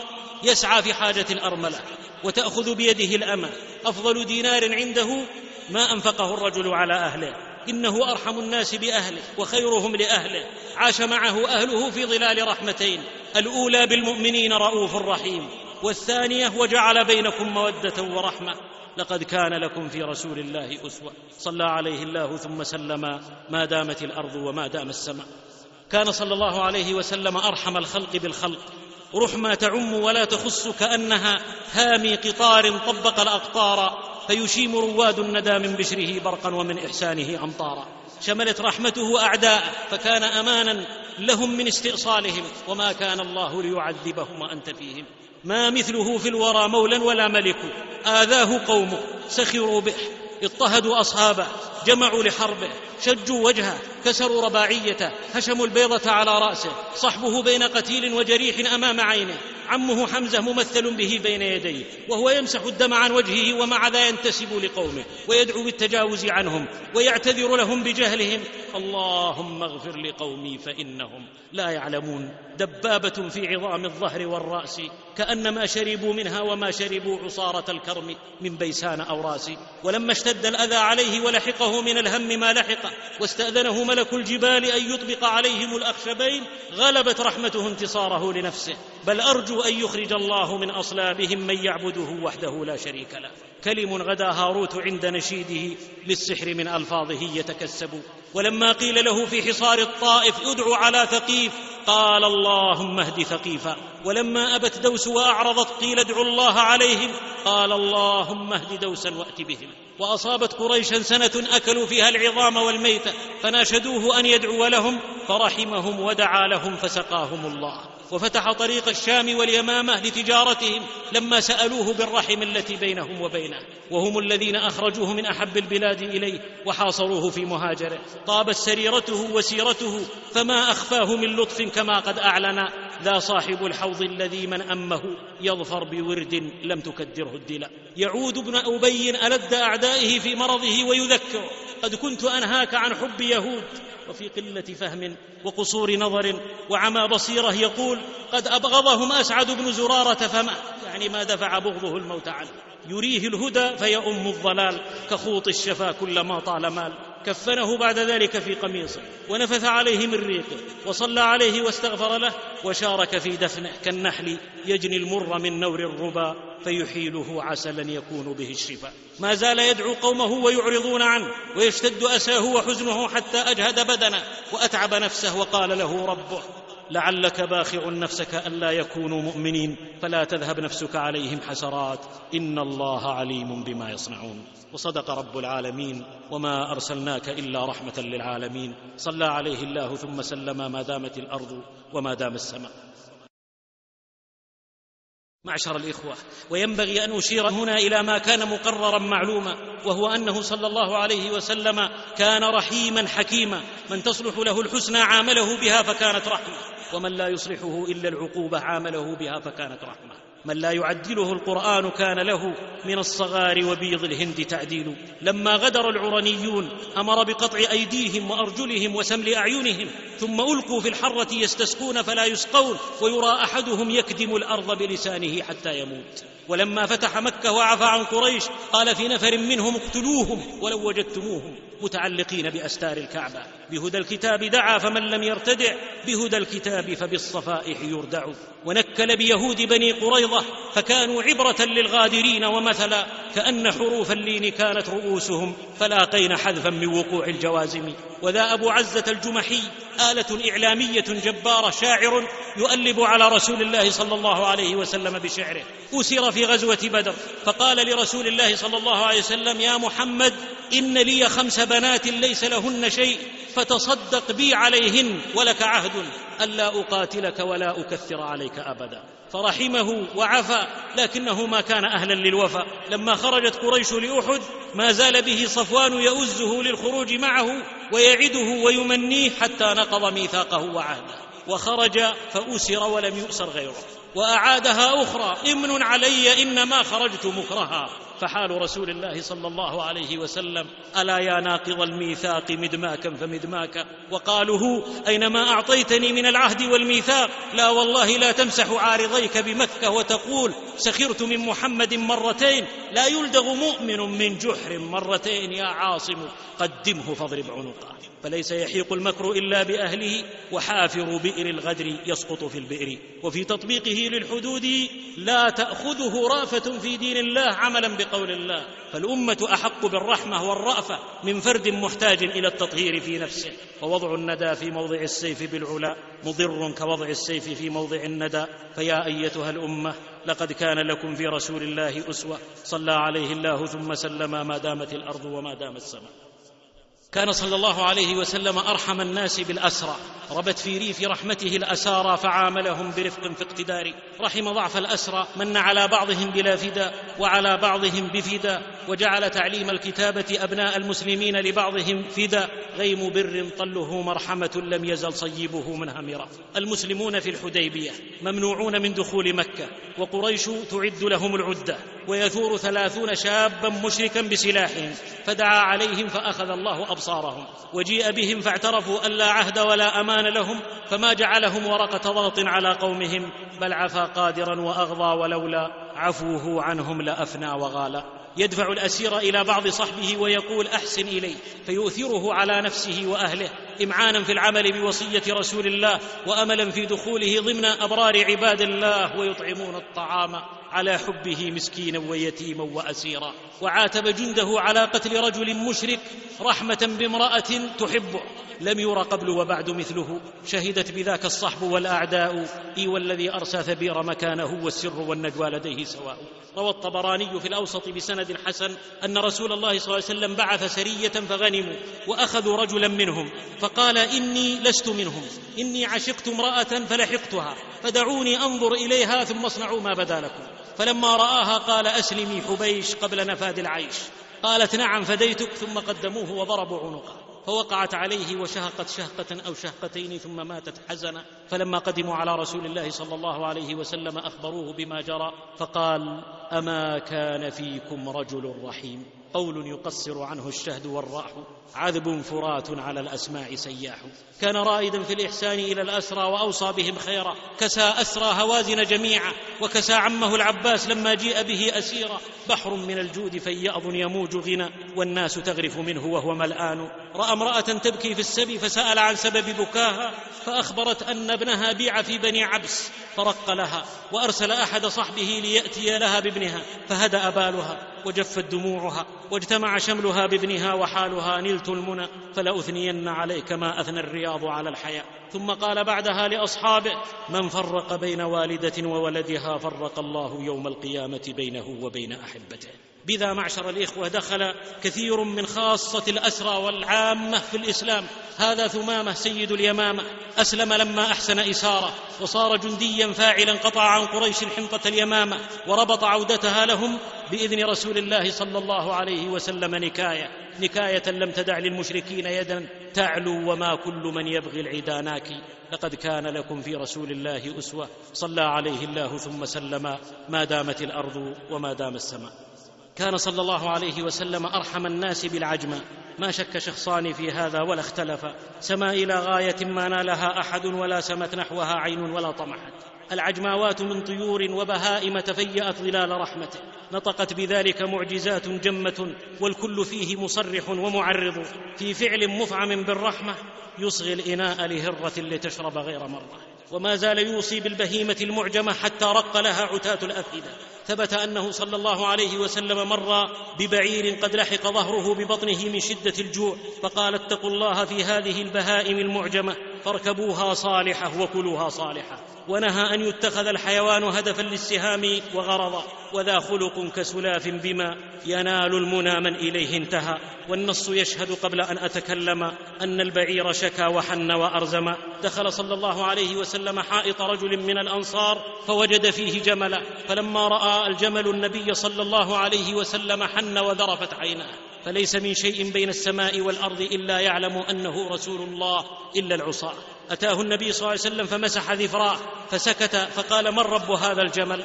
أو لمن هذا الجمل؟ فقال فتى من الأنصار لي يا رسول الله. قال أفلا تتقي الله في هذه البهيمة التي ملكك الله اياها إنه شكا إلي أنك تجيعه وتدئبه. كلم لها في السمع أطرب نغمة وبحجرة الأسرار أحسن موقع.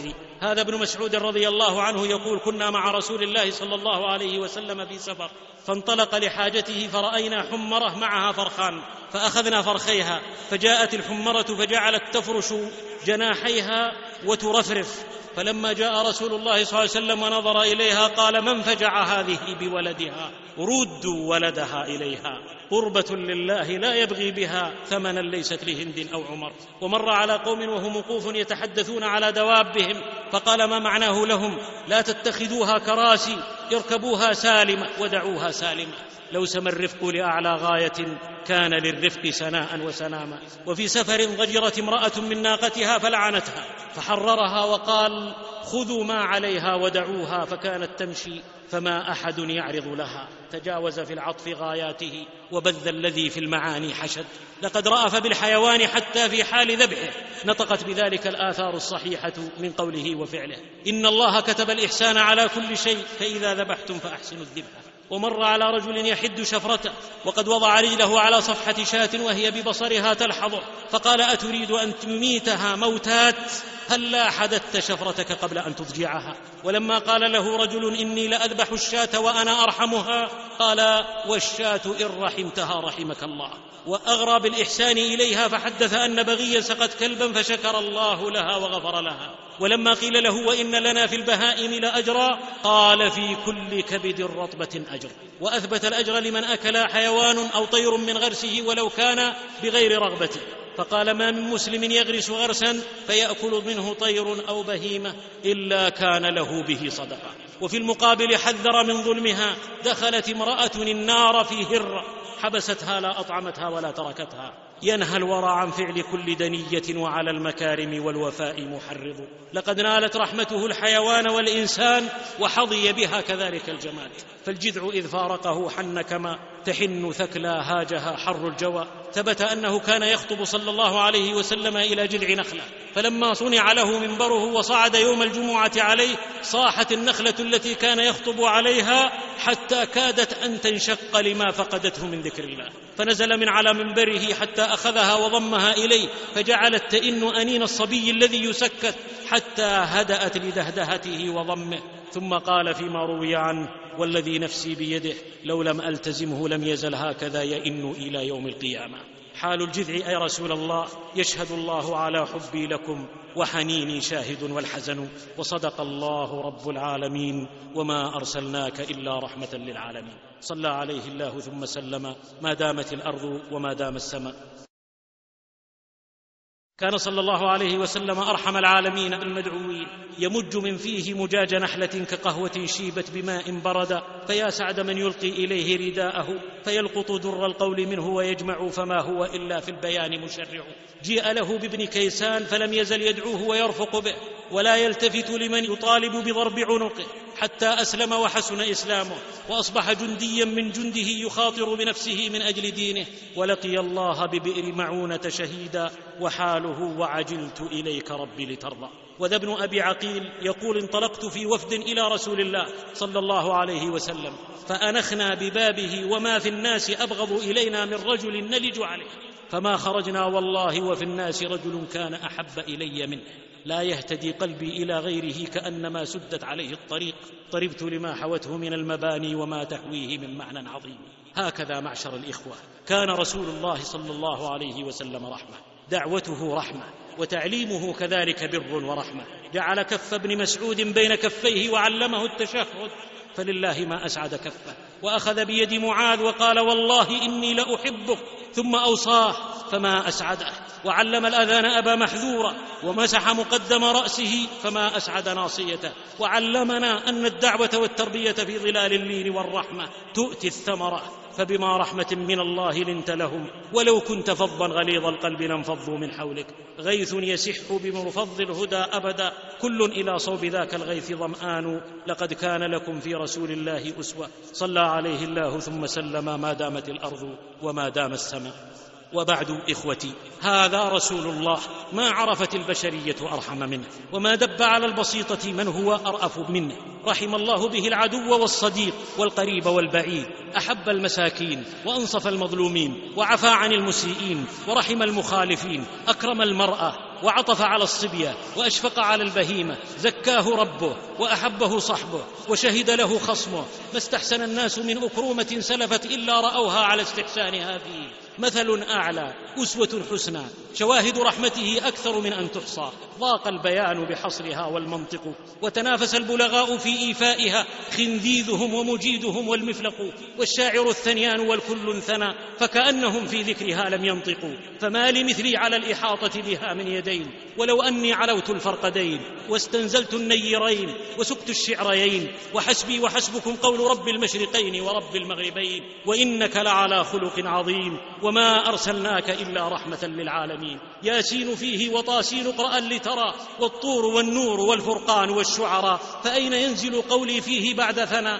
سبع المثاني وما سجعي وأشعاري عليه أزكى صلاة الله دائمة تبقى بقاء عشيات وأبكار. بهذا الخلق سجل أتباع محمد صلى الله عليه وسلم صفحات أخلب للفؤاد من غمزات الطرف الأدعج وأبهج في المقل من الثغر الأفلج. أملك للقلوب من الغيد وأعذب من ماء العناقيد منتظمة العقود منمنمه البرود حق لها أن تكتب بالمقل السود على صفحات الخدود. نحن لذكرها طربا وشوقا فتحسبنا تساقينا الطلاء. قف يا أخي على فرائدها ولو مقدار ما يتمضمض المتمضمض. هذا أبو بكر رضي الله عنه. سل الأرامل عنه والغريب وسل عنه المساكين والأضياف والجار. لم يبق في بيت المال شيئا إلا أنفقه. قيل له ألا تجعل على بيت المال من يحرسه؟ قال لا يخشى عليه. ولما لقي الله دخل عمر رضي الله عنه وكبار الصحابة بيت المال ففتحوه فما وجدوا فيه درهما ولا دينارا سوى خيشة نفضوها فسقط منها درهم فترحموا عليه جميعا. لا يلبث المال في أبياته أبدا. في الخير يذهب قطمير وقنطار. وعمر ما عمر يقف الفاروق في محرابه. فإذا ما أطبق الليل مضى يطعم الجوع ويأس البؤساء خرج ذات ليلة فسمع بكاء طفل بحرقة. فنادى أمه اتق الله واحسني إليه. فلم ينقطع بكاؤه. فناداها اتق الله وأحسني إليه إني لأراك أم سوء. قالت إني أحمله على الفطام لأن عمر لا يفرض إلا لفطيم. فهملت عيناه وقال يا ويح عمر كم قتل من أولاد المسلمين وصلى الفجر وغلبه بكاؤه فلا يكاد يبين ثم أمر مناديا ينادي ألا لا تعجلوا صبيتكم على الفطام فإني افرض لكل مولود في الإسلام ودخل عليه بعض ولده وهو يكتب كتابا لرجل عنده فقبله فذكر الرجل أنه ما قبل ولدا له قط فمزق عمر الكتاب وقال أنت بأولاد المسلمين أقل رحمة والله لا تلي لي عملا أبدا. ثم صرفه ولا تعجبن إذا ما صرف. فلا عدل فيه ولا معرفة. لقد كان يأمل عمر الا يدع فقيرا في دولة الإسلام إلا وجعل له ما يكفيه يقول والله لئن بقيت ليأتين الراعي بجبل صنعاء نصيبه من هذا المال وهو في مكانه ودمه في وجهه.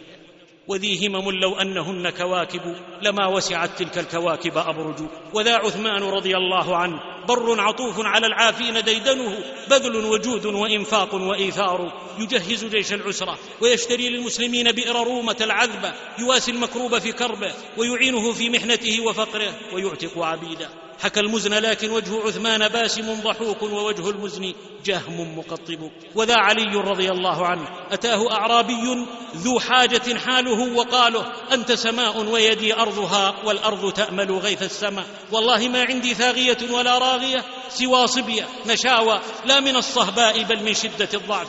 فقال علي رضي الله عنه وما في بيتي فضل عن قوتي. فولى وهو يقول والله ليسألنك الله عن موقفي هذا بين يديك يا علي. فبكى علي أشد البكى وأمر برده واستعاد كلامه. ثم قال لغلامه ائتني بالدرع الفلانيه فجاءه بها فقدمها إلى الأعراب وقال له لا تخدعن عنها فلطالما كشفت بها الكرب عن وجه رسول الله صلى الله عليه وسلم. وقد أهديتها لك وهي عندي لعمر الله من أزكى الهدايا. أخذها الأعرابي ومضى وحاله فإني على قربي وبعدي أسيركم ومادحكم في كل ناد وسامر. فقال الغلام يا أمير المؤمنين عفى الله عنك كان يجزيه عشرون درهما. فقال والله ما يسرني أن لي زينة الدنيا ذهبا فتصدقت به. وقبله الله مني وأن يسألني الله عن موقف هذا الأعرابي بين يدي من لم يهيج قلبه هذا فما للقلب منه محرك ومهيج. وهذا القاضي منذر بن سعيد رحمه الله. على الطاغين نيران تلظى وللضعفاء روض مخضئل. لما بنى الخليفة الناصر قصرا لإحدى نسائه عن له أن يوسع القصر بشراء دار أيتام مجاورة له.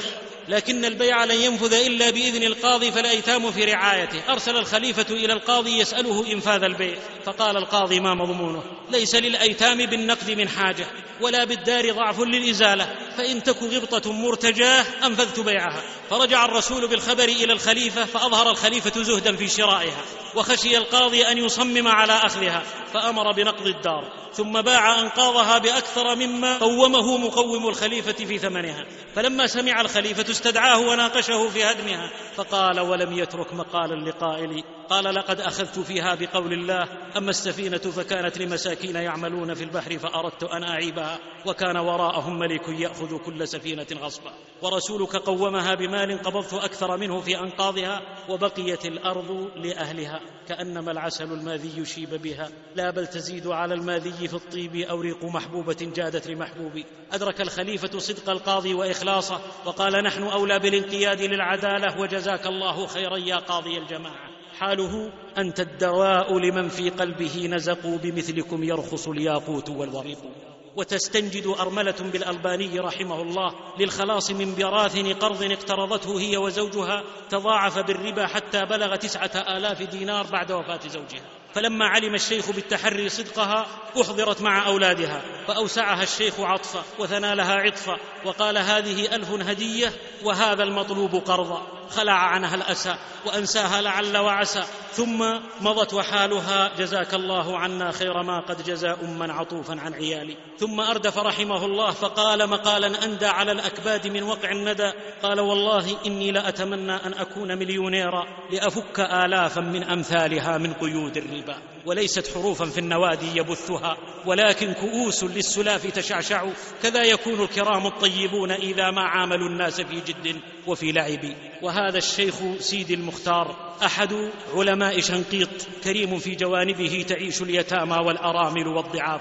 أرسلت له جارة فقيرة تسأله طعاما لضيوف نزلوا عليها ليلة فأرسل لها الطعام في تلك الليلة ثم لم يبرح يرسل لها الطعام كل ليلة مدة خمس وعشرين سنة حتى ارتحلت من حيه وحالها. فلن أنسى لكم تلك الأيادي. جزاكم ربنا الرحمن عنا بخير جزائه يا ابن الكرام. كذا كان أتباعه صلى الله عليه وسلم. رحماء ومع ذا أشداء حكماء هم السلسل الصافي على كل مؤمن وفي حومة الهيجاء نار الصواعق. خرج قريب لأحب أزواج الأمير عبد الرحمن بن الحكم الأموي في يوم غيث. فلما بلله القطر وأخذه المطر قال في طيش ذبابه وخفة بعوضة بدأ الخراز يرش جلوده. تردى في هوة الكفر وتقحم وهان فما له من مكرم غار الأمير وغضب وقلب والغيظ باد عليه حماليق مثل ائتلاق البروق وبعد أخذ الشهادات عليه بلفظه أمر بحبسه ثم أحال أمره إلى القاضي والفقهاء ليحكموا بحكم الله فيه. فتوقف القاضي وبعض الفقهاء في سفك دمه وأشاروا إلى أنه عبث من القول يكفي التأديب فيه وناصوا عن الحق صوب الخطل فثار عبد الملك بن حبيب واغتاظ وصال بمثل لسان الشواظ دمه في عنقي أيشتم ربا عبدناه ولا ننتصر له؟ إنا لعبيد سوء وما نحن له بعابدين. والحال هذا كفر بارد لا يسخنه إلا حرارة السيف. فمن كان يبغي الحق فالحق أبلج هذا هو الحق نصا لا مرد له. من شاء بالحق فليؤمن ومن شاء. ووافقه أصبغ بن خليل وحاله ذا قول عبد صادق في حكمه ومن العبيد مداهن ومداجي. رفع للأمير ما جرى ليأخذ بما يرى. فأجاد الحز وما أخطأ المفصل. خرج الإذن منه بالأخذ بقول ابن حبيب وابن خليل وقتله بحضور الفقيهين. ولم يلتفت لشفاعة أقرب الأقربين. مذكرا أن الله ما رفع ملكه وأعلى ذكره. وجمع فله إلا بإقامة حدوده وإعزاز دينه وجهاد عدوه فلله دره ولا يجني جان إلا على نفسه. أمر به فأخرج للقتل أذل من وتد بقاع وفقع بقرقر وهو يقول لعبد الملك اتق الله في دمي إني أشهد أن لا إله إلا الله وأن محمدا رسول الله. فقال عبد الملك آه الآن وقد عصيت. ثم قدم فطعن وصلب وصار كأمس الدابر واليوم الغابر عبرة لكل هاذ وهاذر. ثم أمر الأمير بعزل القاضي لمحاباته ووبخ من الفقهاء من وافق ورفع مقام عبد الملك وصاحبه والملك إن قام به حازم أضحى حما والجد غير المزاح ورب كلب ذي نباح فإن عن له الضرغام خل النباح. ولما اشتد الصراع بين المحتل البريطاني وشعب مصر الأبي أدرك المحتل أن العلماء هم القلعة الحصينة ضد مخططاته. فطلب عميد الاحتلال من شيخ الأزهر الشربيني موعدا للتفاهم معه على التهدئة. فحدد له الشيخ موعدا وأوعز لخادمه أن يستقبله إذا ما جاء في الدور الارضي من منزله. وجاء العميد معه زوجه فاستقبله الخادم وأخبر الشيخ بوصوله وبعد برهة نزل الشيخ فقام له العميد وزوجه فحياه ولم يلتفت لزوجته وجلس وأعطاها ظهره وكانت إهانة ابتلعها وقام يتودد للشيخ ويتملقه والشيخ لا يعيره اهتماما فهو يعلم مقصده. ولما رأى العميد زوجه منبوذة مهانة طلب من الشيخ أن يأذن لها لتصعد إلى أهله حتى تنتهي المقابلة. فضيق الشيخ عليه فجاجة وأثار عليه العجاجة وصدعه صدع الزجاجة قائلا إن زوجك مع نسائنا المسلمات كالأجنبي سواء بسواء لمخالطتها الرجال ولا مجال. حينها مال إلى الخرس واندحر وانخنس برأس فقير إلى عزة وزوج فقير إلى برقع. تلقى الصفعه ومضى ليبلغ حكومته بخطورة بقاء الشيخ في منصبه وما هي إلا أيام. وترك الشيخ منصبه غير آسف عليه مؤثرا رضا الله الكبير المتعال على رضا الحقير عميد الاحتلال. ومن أراد من الأخرى جواهرها يبيع أعراض هذه الدار مجانا. ومن ظن أمواه الخضارم عذبة قضى بخلاف الظن عند المشارب. وهذا الشيخ الزاهد رحمه الله لما قال له الحاكم محمد شاه تغلق ذات مرة إن النبوة لم تنقطع ولم تختم كالولاية. ما أجابه بحديث ولا آية بل خلع نعله غضبا لله وضرب بها وجه الشاه. لو غدا فعل يديه قهوة ما مشى من سكرها بالأرض صاحي أمر الحاكم بقتله رميا من أعلى القلعة فرمي المرة ثم صعد به فرمي المرة حتى لقي الله ربه وحاله. أرى الدنيا وما فيها مجازا وما عندي سوى الأخرى حقيقة ولا أرجو سوى الفردوس دارا. فرحمه الله تعالى. إنهم أتباع رسول الله أشداء على الكفار رحماء بينهم أذلة على المؤمنين أعزة على الكافرين كما وصفهم رب العالمين. هم النجوم بهم تهدى الأنام وينجاب الظلام ويهمي صيب الديم. فكن خلفا فيما تعاطوه لا خلفا وإياك والإضمار في الفعل والحذف وكن قابسا من نارهم جذوة وطر إلى حيث ما طاروا ورفرف وغرد. فهم أصل ونحن له فروع وهم متن ونحن له حواشي. أيها الجيل. لا تنزع الرحمة إلا من شقي. فارحم عباد الله إن كنت تعي. من يرحم السفلي يرحمه العلي. رحمت امرأة ابنتيها بشقي تمرة فأوجب الله لها الجنة. الراحمون يرحمهم الرحمن. يرحموا أهل الأرض يرحمكم من في السماء. الرحمة الرحمة. عطفا عليها ولا تطلب بها بدلا. فما استوى التابعان العطف والبدل. أيها الجيل. كل مفتر ذليل. هان من أشرب الهوى إن كأس الهوى فيها لشاربيها امتهان. من اتخذ منهجا غير منهج الله وحاول تعبيد الناس لغير الله فإن مصيره إلى الذلة في الدنيا والفشل والعذاب في الآخرة إن لم يتب.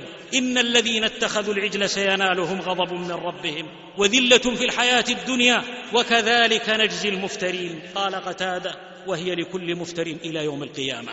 يا أمة محمد صلى الله عليه وسلم شامنا حرة فلا تخذلوها وشعار لحزمنا واختبار. آن أن يستأصل الجسم الذي ظل أعواما يعاني الورم. هذه شامنا المباركة. تستيقظ ثائرة. تنشد عدل الإسلام وحريته وكرامته. وطاغوتها في هلع لا نظير له وخساسة. تبع الفرس وعادى شعبه فامتطوه بغلة للمغنم فتمادى وأتلفا وطغى ثم أرجفا. قالت الشام لا ولا فالحمى دونه الدماء. ما نحن من يحيا حياة مذلة أو يرتضي صفعا على العرنين انخنا الصعب والعز امتطينا وما دون النحور. سوى الأيادي بذلوا الثمن الأغلى والتضحية الأعلى والمهر لا يغلو على من يخطب. عجن التراب بلحمهم ودمائهم فزكى التراب وصار مسكا يزكم. أمة الإسلام إن الشام قد رفعت من لوعة القهر نداها والنفوس الشم قد فاض أساها. الشام تستصرخ وتستنصر وبأخوة الدين تستنجد. يستغيث شيخ وتندب ثكلا ويئن طفل ويندى الجبين. مئات الآلاف من الأسر لا عائل ولا مال. عائلهم في الأموات أو في السجون والمعتقلات. كم ألوف جرعوا كأس الردى بيد الأوغاد أشرار البرية وبيوت أخمدت أنفاسها بيد الإجرام يا هول البلية. يا لها مجزرة قد صعقت كل راء بعيون الادميه كم رضيع حرموه أمه وسقوها حسرة طال مداها أواه في أذني صوت اليتيم بكى وصوت أرملة تستنفر العرب تدعو وفي قلبها نار مؤججة ودمعها لغة تستهجن الخطب من حولها صبية يبكون ما وجدوا مأوى وما وجدوا من يدفع السغب. أواه والنار في الفيحاء موقدة أجساد إخواننا صارت لها حطبا ذلك ولو يشاء الله لانتصر منهم ولكن ليبلو بعضكم ببعض. واجب الوقت وفريضة الزمان نصرة أهل الشام فعليكم النصر. أزيحوا الدثار وانفضوا الغبار وابذلوا الدرهم والدينار والقنطار وارفعوا الأكف بالليل للجبار وابسطوها لهم بالنهار. لا تنجدوهم بالتحسر وحده إن التحسر لا يزيل عناء. لا تلجئوهم لغريب لئيم يعطي القليل ويساوم على الكثير. فمن ينتظر من عصبة الكفر نخوة فعائده المنظور صاب وعلقم أقصى مروءتهم ونجدتهم لنا وفد يجيء ومستشار يذهب خاب من يسألهم نصرته إنما يحمي حمانا ضيغمه. المؤمن للمؤمن كالبنيان والمؤمنون في تراحمهم كالجسد المسلم أخو المسلم لا يسلمه ولا يظلمه. والمؤمنون والمؤمنات بعضهم أولياء بعض المنافقون والمنافقات بعضهم من بعض. بسط المجوس إلى المجوس أكفهم بالمال من بيضاء أو صفراء. هيا بني قومي ألست بقوا العلا بسخاء كف يكشف اللأواء كل يجود بما استطاع فمن ندى. وقف على من يجزلون عطاء. قبض الأيدي مسبه وسوء مغبه أنفقوا مما جعلكم مستخلفين فيه. وابذلوا شأن الابات العظماء واصفعوا البغي وسيروا أمما. أعلنوها لحمة مرهوبة تألف المر وتهوى العلقما. لو رأى العربيد أدنى لحمة لانتهى من سكره وانفطما. واتقوا فتنة لا تصيبن الذين ظلموا منكم خاصة. فمن يخذل ابن العم يوجد إذا التوت صروف الليالي لا محالة اجذما ويا أهلنا في الشام لكم الله وإن النصر آت وبقاء الظالم شيء مستحيل. عاشق الموت في الميادين يظفر وعروس الفردوس بالدم تمهر. لا تهنوا في ابتغاء القوم. إن تكونوا تألمون فإنهم يألمون كما تألمون وترجون من الله ما لا يرجون. ومصير أعداء الإله جهنم وشهيدكم في الخلد حي يرزق. هل يستوي من في لظى يتقلب مع من يطير بجنة ويحلق؟ لا سواء فلا تهنوا ولا تحزنوا وأنتم الأعلون. واصبروا وصابروا ورابطوا واتقوا الله واثبتوا واذكروا الله وأبشروا. عقب الثبات انتصار لا نشك به. وعد من الله لطيف من الحلم. يا شام يحميك الإله بجنده. يحميك ربي أن يذلك قرقس. والكل دون الله مثل بعوضة وهو القوي القاهر المتكبر. أيها الجيل إن السعيد لمن جنب الفتن وإنما يجلس الرجل حيث ينتفع. لا تصحب الاردى فتردى به واطوي بريدا دونه في بريد. إن أهل الهوى وباء ودعاة إلى لظى فاحذرنهم على المدى. لا تؤمن فتنتهم وتفسد القلوب صحبتهم. لا تخاطر بدينك معهم وخذ بوصية ابن كابر فيهم أن عامل هريرهم الذي يسمونه تغريدا معاملة النخامة ادعسها وادفنها ولا تلتفت لهم.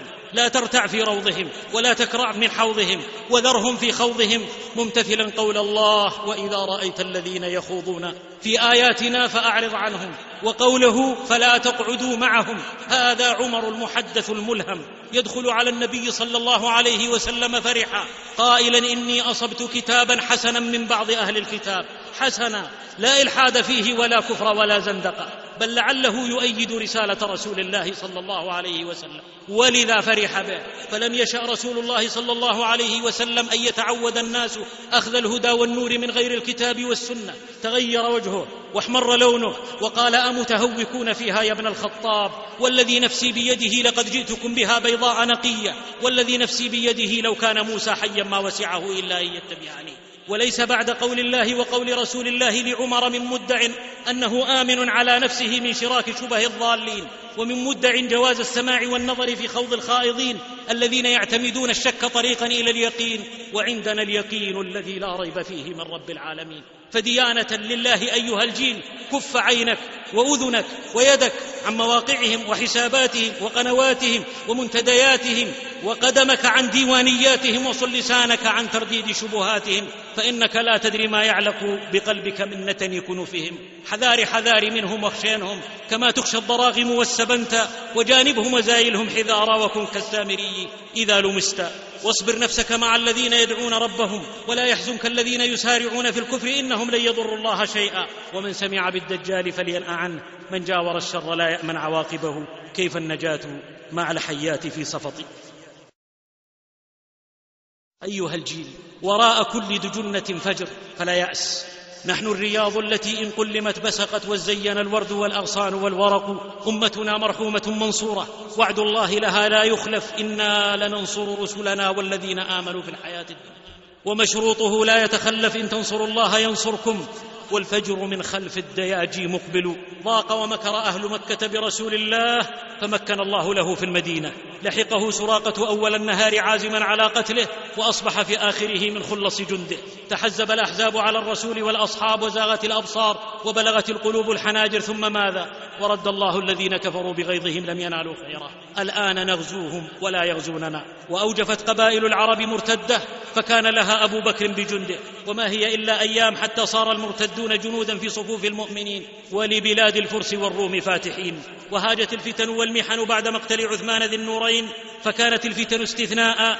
خرجت منها دولة الإسلام وعاشت قرنا أقوى وأمضى ولم تكن مدة الفتن إلا ستا وفي فترة سيطر الباطنيون البويهيون على بغداد والعبيديون على مصر وكتبت مسبة الصحابة على محاريب بيوت الله ثم انقشعت الغمة ونصر الله الدين بأهل السنة. وأطبق التتار على أمة الإسلام حتى أبادوا حاضرتها بغداد وما هي إلا أيام وهزم التتار ثم دخلوا في الإسلام. وتمالأ الصليبيون وجيشوا جيوشهم واحتلوا بيت المقدس وخاضت في دماء المسلمين خيولهم وهرب الطفل الرضيع صلاح الدين مع أسرته مستخفين وجاع الرضيع وبكى وكاد يكشف أمرهم لولا أن عمه أدخله صندوقا ليخفي صوته عن الصليبيين وتمر سنين وينهض الرضيع صلاح الدين ليفتح بيت المقدس ويرفع راية التوحيد. ويكسر الصليب في حطين وظهرت من بعد دول إسلامية فتية تابعت الفتوحات حتى حاصرت روما وفتحت القسطنطينية. وها هي الأمة في عصرها الحاضر بعدما مورس عليها أبشع ألوان الغزو العسكري والفكري. تنهض مكبرة مهللة موحدة في خضم تنمر الكفار والمنافقين وفحيح الزنادقة والملحدين وتحالف الغرب مع الصفويين تردد أحد أحد أحد أحد. لا يرهب الجر والأسد. لله غضبتنا تكون ومنه نلتمس المدد. وتحت دوي التكبير ما زالت تتهاوى عروش الظالمين. والعاقبة للمتقين قضاء رب العالمين. زبد الباطل يمضي بددا. وشعاع الحق باق لا يبيت. أيها الجيل أعني جيل الريادة. الساعد يبطش بالكف. وإذا استولى الشقاق والخلف فسيان الواحد والألف. الجماعة رحمة والفرقة عذاب. لا يحمل لواء الإصلاح ويكون أهلا للإمامة إلا من خلص قصده ورجح عقله وسماع اللعاعة الدنيا بنفسه. قرر ذلك رب العالمين. إني جاعلك للناس إماما. قال ومن ذريتي. قال لا ينال عهد الظالمين. فيا أيها المؤمنون أطيعوا الله ورسوله ولا تنازعوا فتفشلوا وتذهب ريحكم. واصبروا إن الله مع الصابرين. بصلاح ذات البين. طول بقائكم ودماركم بتقاطع وتفرد. أي جيل الريادة اطلب رضا الله فأغبى الورى من أسقط المولى وأرض العبيد. خذها بيانية في المضمون. التمكين منة إلهية وإسقاط الطغيان نعمة ربانية. ونريد أن نمن على الذين استضعفوا في الأرض ونجعلهم أئمة. والله يريد الشكر ممن يشهد نعمه. اعملوا آل داود شكرا. التمكين تكريم وتشريف وهو مع ذلك اختبار وتكليف. عسى ربكم أن يهلك عدوكم ويستخلفكم في الأرض فينظر كيف تعملون. واجب الوقت حماية التشريع الإلهي من أن يعود ألعوبة في أيدي العابثين باسم اللعبة الديمقراطية التي تشترط رضا العبيد عن شرع الحكيم الخبير.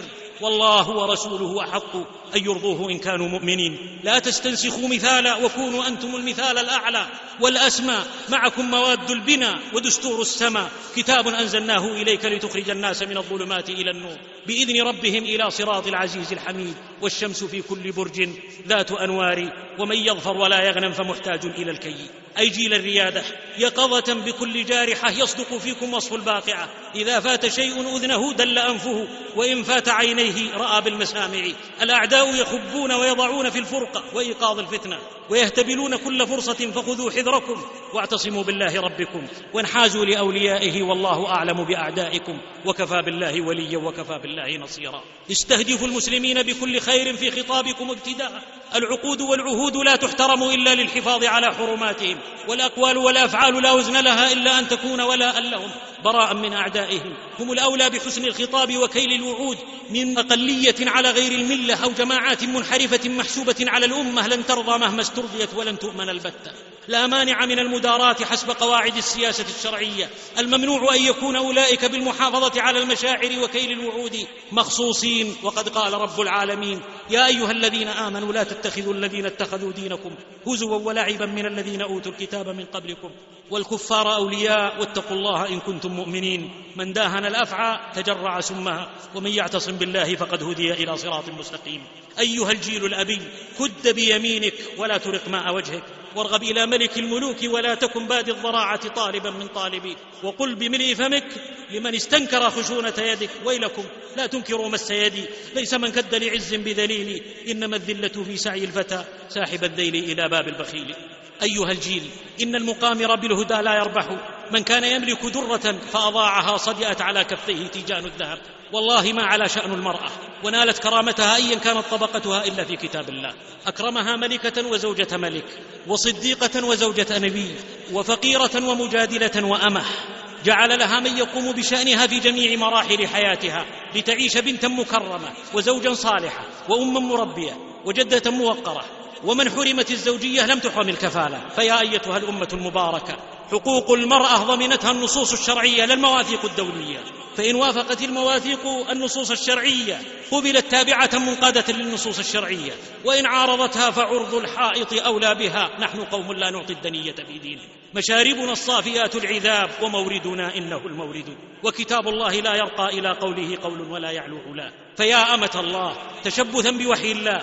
وحذار حذار من كسير وعوير ومن ليس فيه خير. لا تغتري بحديثه ولا بزخرف قوله ولا بأنوثته وتخنثه ولا بلون لبسه. فالحمار حمار وإن ارتدى منمقا والسرج المذهب لا يجعل الحمار حصانا أبدا.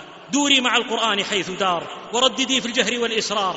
عقلي له دارة والقلب مركزه فحيث ما دار كانت مهجتي فلك. لو تخلى الناس عن أحكامه ما تزعزعت أنا قيد نواه.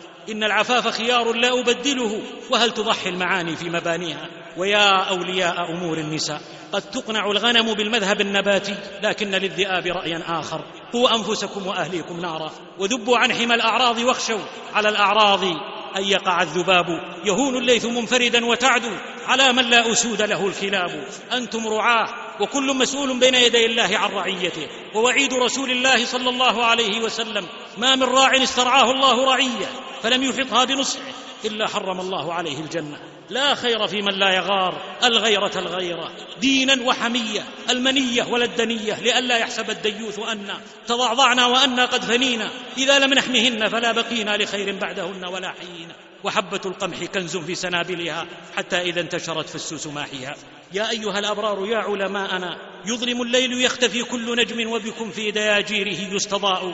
إني أخاف على قاع السفينة أن يلهو الطغام بها يوما. فتنخرق الضلال اليوم قد صال وتاها ويد الإفساد لا تلقي عصاها. بلغ السيل الزبا وجاوز الربا وتطاول في وقاحة على الشريعة ومقدساتها زنادقة وملاحدة ومنافقون. وما زالت الأوغاد تلحن في الملا فترفع مخفوضا وتخفض مبتدا. والأعناق مشرئبة إليكم في بيان الأحكام. والأخذ على يد ذوي الإفساد نصحا لله ولرسوله ولكتابه ولأئمة وعامة المسلمين. فنبعكم غير منسوب إلى الخور أقيموا عماد الدين من بعد صدعه وأعلوا لواء الحق فوق الخلائق. ولا ترهبوا في الله لومه لائم ولا تحذروا في الله غضبه مارق فاللات قد كان قبل اليوم من حجر وأصبح اليوم من ماء ومن طين العلماء حراس الدين على مر السنين متى غفل الحرس أغار اللصوص. هذا النووي محيي الدين عليه رحمة رب العالمين. يكتب رسالة إلى سلطان زمانه تتضمن العدل بإزالة المكوس عن المسلمين. فكان جواب السلطان انكارا وتوبيخا وتهديدا له وللرعية. فكتب النووي ما مضمونه. لقد أخذ الله علينا العهد والميثاق. لتبيننه للناس ولا تكتمونه. فلا يحل أخذ شيء من أموال الرعية ما دام في بيت المال شيء وبيت المال بحمد الله معمور. أما تهديد الرعية بسبب نصحنا فليس هو المرجو من عدل السلطان وحلمه. أما أنا فلا يضرني التهديد ولا أكبر منه ولا يمنعني ذلك من نصيحة السلطان. فإني أعتقد أن هذا واجب علي وعلى غيري وما ترتب على الواجب فهو خير وزيادة عند الله وأفوض أمري إلى الله. من أراد الركوع جبنا وذلا ثم شلت يساره واليمين فيا حماة الدين فاحموا الدين ممن عثوا في الأرض مفسدين فأنتم صدور الناس والكوكب الذي به يقتدي الأقوام بين الغياهب. أيها الجيل قل خيرا أو اصمت لسان الفتى عبد له في سكوته ومولى عليه جائر إن تكلم لم يكن في البدء إلا الكلمة وهي من بعد ستبقى الخاتمة. كم شقي قام سبعين خريفا يتردى في مهاوي الحطمة أوردته كلمة. وسعيد قام في الفردوس يختال ويجني من نعيم حلمة رفعته كلمة. فلا تطلقنها واجعل الشرع قيدها وصير إذا قيدتها سجنها الفما. أي جيل الريادة. لقد هان من عزت لديه الثعالب ولن يصير غراب البين شاهينا. المنافقون هم العدو فاحذرهم. وبلحن القول وصلابة الوجه فاعرفهم. فهم ناس لهم دون البرايا. وجوه حين تلقاها صلاب. إذا ما الصدق أعوزهم لأمر فإن سلاحهم فيه الكذاب. إنهم قوم يسمون اسمنا ولهم فعل كفعل ابن سلول. بدت البغضاء من أفواههم والذي تخفي الصدور اليوم أكبر. أظهروا الكفر عيانا في تجبر بعدما كانوا زمانا في تستر. لا يوسد لهم أمر ولا أمان لهم على سر. من ائتمنهم فقد خان وخالف القرآن والأثر. يا أيها الذين آمنوا لا تتخذوا بطانة من دونكم لا يالونكم خبالا. فما ترجون من أمناء سوء إذا سنحت لهم فرص أغاروا. أيها الجيل الدين يصلح ما لا تصلح النظم ولا تموت من الفقر الشعوب ولا تنهار إلا إذا ما انهارت القيم. عودا لوحي الله أمة أحمد فالعود من بعد الضلالة أحمد. لا تطلبوا طوق النجاة بغيره هو وحده في النائبات المنجد. أخيرا أيها الجيل تلكم قطرات جياد من رحمة خير العباد. فخذها وكن عارفا قدرها وأثني على الله كل الثناء. وصنها ولو في سواد العيون وإياك من نبذها بالعرى ضاقت الوقفة ولم تتم الصفقة. وخلاصة القول معشر الإخوة لقد كان لكم في رسول الله أسوة. قسما برب التين والزيتون ومنزل الإخلاص والماعون. إن الخلائق دون هدي محمد عمي كعين ما لها من نون. دونك المثال الحي لوطفاء الرحمة يا أخي نزه به الناظر والخاطر ونافح به الورد العاطر والروض الناضر. اطوي له المراحل واحد الرواحل وانزل بحرمه وطف بكعبته واستلم ركنه والهج بذكره واكلف بحبه أسكنه الفؤاد وأحله السواد وحد في الجبل والواد يا غيث وطفى لا تغير وازددي وانمو كما ينمو الخضاب في اليد إن تكن سلمى فإني بعض طي أو تكن حزوى أكن غيلان مي ووداعا ووداعا وإلى ملتقى إن لم يحل من حائلي يا رب اسكنا فسيح جنتك والنار نجنا منها برحمتك واغفر لنا ما كان من ذنوبنا وزين الإيمان في قلوبنا اللهم انصر دينك وكتابك وسنة نبيك وعبادك المؤمنين. اللهم انصر دينك وكتابك وسنة نبيك وعبادك المؤمنين. اللهم ارحم هذه الأمة بالولاة الأخيار. اللهم ارحم هذه الأمة بالولاة الأخيار. اللهم ارحمها بالولاة الأخيار. وباعد عنها وأذل الأشرار. يا قوي يا قهار. اللهم عليك بأهل الفساد والزندقة والإلحاد. اللهم كن لهم بالمرصاد وأهلكهم هلاك عاد. اللهم كن لإخوتنا في الشام وبورما وفلسطين والعراق وأفغان وفي كل مكان. اللهم إنا نسألك بعزتك وقدرتك وجبروتك وكبريائك وعظمتك أن تهلك طاغوت الشام وجنده ومن أعانه. اللهم أهلكه وجنده ومن أعانه. اللهم أهلكه وجنده ومن أعانه. اللهم احصهم عددا واقتلهم بددا ولا تغادر منهم أحدا. اللهم وكن لإخواننا في بلاد الشام مؤيدا ونصيرا وظهيرا ومعينا. اللهم اشف صدورهم من عدوهم. اللهم اشف صدورهم من عدوهم وأذهب غيظ قلوبهم. اللهم اجعل لهم من كل هم فرجا ومن كل ضيق مخرجا. اللهم أنزل عليهم من الصبر أضعاف ما نزل بهم من البلاء. اللهم تقبل موتاهم في الشهداء واشف جرحاهم يا سميع الدعاء. اللهم احفظهم من بين أيديهم ومن خلفهم وعن أيمانهم وعن شمائلهم ومن فوقهم. ونعوذ بعظمتك أن يغتالوا من تحتهم. رب رحماك بطفل لم يجد في قلوب الخلق قلبا يرحمه. أنت مولاه الذي يستنصره يا إلهي ضاقت الدنيا بهم وأتاهم كل هول تعلم أنت مولى الشام في كربته عجل النصر وأهم ديما خابت الآمال إلا فيك يا منقذ المظلوم ممن ظلمه. اللهم كن لاخواننا في بورما اللهم كن لاخواننا في بورما. اللهم أفرغ عليهم صبرا وثبت أقدامهم وانصرهم على القوم الكافرين. اللهم أفرغ عليهم صبرا وثبت أقدامهم وانصرهم على القوم الكافرين. اللهم عليك بأعدائهم فإنهم لا يعجزونك. اللهم عليك بأعدائهم فإنهم لا يعجزونك. اللهم أرنا فيهم ما تقر به عيون الموحدين. يا جبار السماوات والأرضين. اللهم مكن لأهل السنة في كل مكان. اللهم مكن لأهل السنة في كل مكان. اللهم مكن لأهل السنة في كل مكان. ونسأل الله عظيم المنه أن ينصر الحق بأهل السنة. والحمد لله ختاما وابتداء ثم الصلاة والسلام سرمدا على ختام الأنبياء أجمعين وآله وصحبه والتابعين. مع تحيات مؤسسة الإمام البخاري الإسلامية بمكة المكرمة. هاتف رقم خمسة أربعة ثلاثة أربعة اثنين ستة سبعة. فاكس خمسة أربعة تسعة خمسة سبعة سبعة تسعة والسلام عليكم ورحمة الله وبركاته